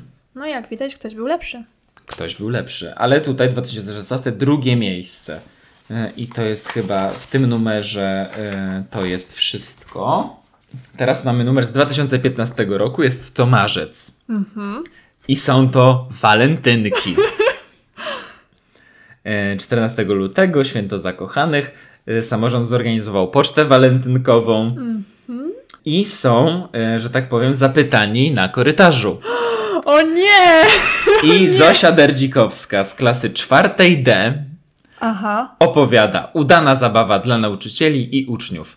Po prostu bomba. Czyli dawałaś także już swoje pierwsze wywiady. Jak widać, tak. Ale ja mówię, ja po prostu. Ja kiedy, pamiętam, że to czytałam wszystko i w ogóle ta gazetka była dla mnie zawsze takim takim punktem, takim po prostu byłam podekscytowana, kiedy wiedziałam, że już jest nowy egzemplarz.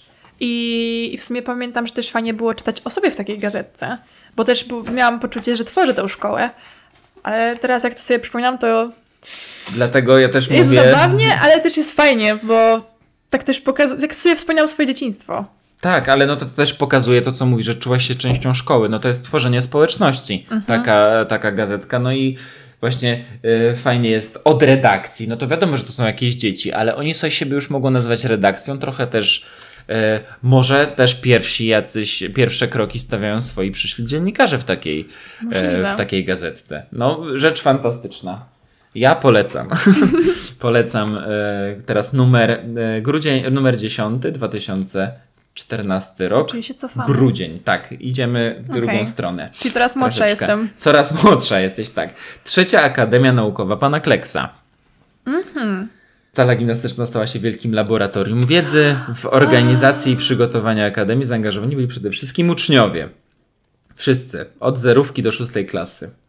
Tak, bo wtedy, wtedy to jeszcze były czasy gimnazjalne, więc to była tak, cała szkoła. To prawda. Wtedy myślałam, że będę chodzić 6 lat pod, do podstawówki i potem pójdę do gimnazjum. Ale pamiętam, że właśnie takie akademie naukowe były u nas po prostu regularne chyba co roku, jakoś tak na nie pamiętam już na wiosnę, ale ogólnie były raz w roku i pamiętam, że było mnóstwo eksperymentów. I ja zawsze byłam podekscytowana tym, bo po pierwsze chciałam trochę uciec z lekcji, a po drugie to też było fajnie, no bo czułam, że jednak nadal tworzę tą szkołę. A co do Akademii, też udzieliłaś swojej opinii. Kolejny wywiad. Zosia Drdzikowska, klasa czwarta D. Najlepszy, na którym byłam. Ojej. Krótko, zwięźle i w temacie. Też pamiętam, że Kleksy, odpowiedzialny za drukowanie po części, był tata jednego z uczestników naszych zajęć w Pałacu Młodzieży. O, to ciekawe. Taka ciekawostka. Taka ciekawostka. Czy to był Kamil, rozumiem, tak? Tak, to był tata to Ka- Kamila. Kamila też pozdrawiamy jego Tak. tatę. Dobrze, wszystkich dzisiaj pozdrowimy, nie mogę. Nie wiedziałem, że to będzie podcast o pozdrowieniach. I mamy ostatni numer, w którym y, znalazłem y, ciebie. Mhm. Y, I jest to numer trzeci, marzec 2013 roku. Jest tu rubryka mm, Wspomnienia z ferii. Znowu jakiś wywiad? Jest wywiad i to jest bardzo długa wypowiedź, nie będę całej przytaczał, ale jest Zofia Derdzikowska z klasy drugiej D. O rany. Mówisz o tym, że ferie zimowe, czyli dwa tygodnie wakacji ze śniegiem, spędziłam w Gliczarowie Górnym niedaleko Bukowiny Tatrzańskiej i Białego Dunajca. Tak. Jeżdżę tam co roku nawet. I do dzisiaj? Yy, no, w tamtym roku byłam. Bo tu jest właśnie, już, już tutaj jest napisane, że jeździsz tam co roku. Mm, No, no to. Miałam co prawda przerwę, ale chyba jednoroczną, tylko dlatego, że miałam skręconą kostkę. I nie mogłam po prostu jeździć na nartach. No to jak nie można jeździć na nartach, to po co jeździć w góry, prawda?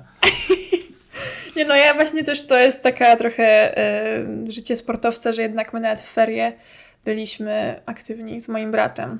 A szczególnie mój dziadek nas zaraził nartami. Potem już zaczęliśmy jeździć na snowboardzie i teraz jeżdżę na snowboardzie, ale, ale ferie też były aktywne. No o twoim bracie też jest bardzo dużo y, na stronie szkolnej. Może za parę lat on będzie u mnie gościem, kto wie. Może. Mam, na, mam nadzieję, Borys. Życzę Ci kariery sportowca, bo wiem, jak bardzo kochasz sport. Dobrze, to było wszystko, co wyszukałem w Google. Dużo tego było. Bardzo dużo i tak jak mówię, ja się tego nie spodziewałem, że aż tyle tego Ja też będzie. się nie spodziewałam, że tyle może można znaleźć o mnie w internecie, bo... ale w sumie dobrych rzeczy. Dobrych rzeczy, tak. Ale Więc aż żałuję, że nie miałem trochę więcej czasu, bym wnikliwiej przejrzał y, wszystkie te źródła i może bym jeszcze coś wyhaczył, kto wie. Nie wiem, ale najbardziej mnie zszokowały te legendy, których w ogóle nie pamiętałam. Ja, ja to sama sprawdzę, jak wrócę do domu. Warto, ale to też jest ciekawe, jak działają nasze wspomnienia, no, że akurat Mhm. w ogóle tego nie pamiętasz, że nie jest to jakieś, y, myślę, traumatyczne przeżycie, które mogłabyś wyprzeć. Na pewno E, nie. ale, ale jakoś zupełnie wylatuje z głowy, ale nie jest to dziwne, bo mi się też tak zdarza, że ktoś mi o czymś opowiada, że coś było, a ja zupełnie dębieję wtedy. Mówię, o, co, o czym ty opowiadasz w ogóle? No, W każdym razie, jaki jest dla mnie morał tych wszystkich źródeł, jakie wyszukałem, że naprawdę nie dziwię się, że teraz jest pomysł taki na ciebie, że ty zostałaś, yy, chcesz zostać aktorką. w sumie Od, wszy- od u- udzielałaś się publicznie, nie, nie miałaś, bo niektórzy nie chcą na przykład, nawet, nawet do takiej gazetki szkolnej, po prostu nie chcą się wypowiadać. Ty robiłaś to chętnie, nawet opowiedziałaś o całych swoich feriach, mając 8 lat. to też jestem pod wrażeniem.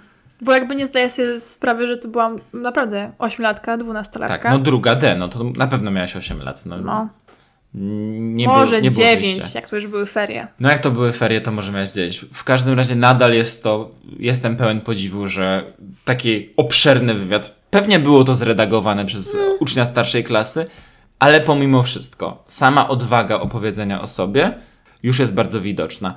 Później yy, przy każdym, każdej większej uroczystości też yy, się udzielałaś. Potem jakieś epizody pisarskie są, kiedy jesteś autorką w wieku lat 12. Później pojawia się pani Grażyna i koło teatralne w szkole. Występujecie w kinie Elektronik. Później y, twoja koleżanka Agata mówi ci o zajęciach y, teatralnych w Pałacu Młodzieży. Idziesz tam, występujesz w Teatrze Studio i jesteśmy tutaj. I jesteśmy tutaj. Gdzie w sumie teraz, jak mówię, jak ktoś tak przedstawił to mi wszystko, tą całą drogę, to jakoś to wszystko nabiera sensu dla mnie. Tak, dla mnie to też jest absolutnie sensowne. W ogóle żadnego zaskoczenia. Ja tak chyba naprawdę. w ogóle nawet będę wracać po prostu do, do tego odcinka, słuchać go sobie, żeby w razie czego w jakichś chwilach zwątpienia usłyszeć tą całą moją drogę, którą tutaj omówiliśmy i sobie mówić, Zosia, to jest to. Ty od początku. Tak było. Od początku wiedziałaś. Nie wiedziałaś dokładnie co, ale wiedziałaś. No to cóż, czy można lepiej zakończyć? Chyba nie. Chyba nie.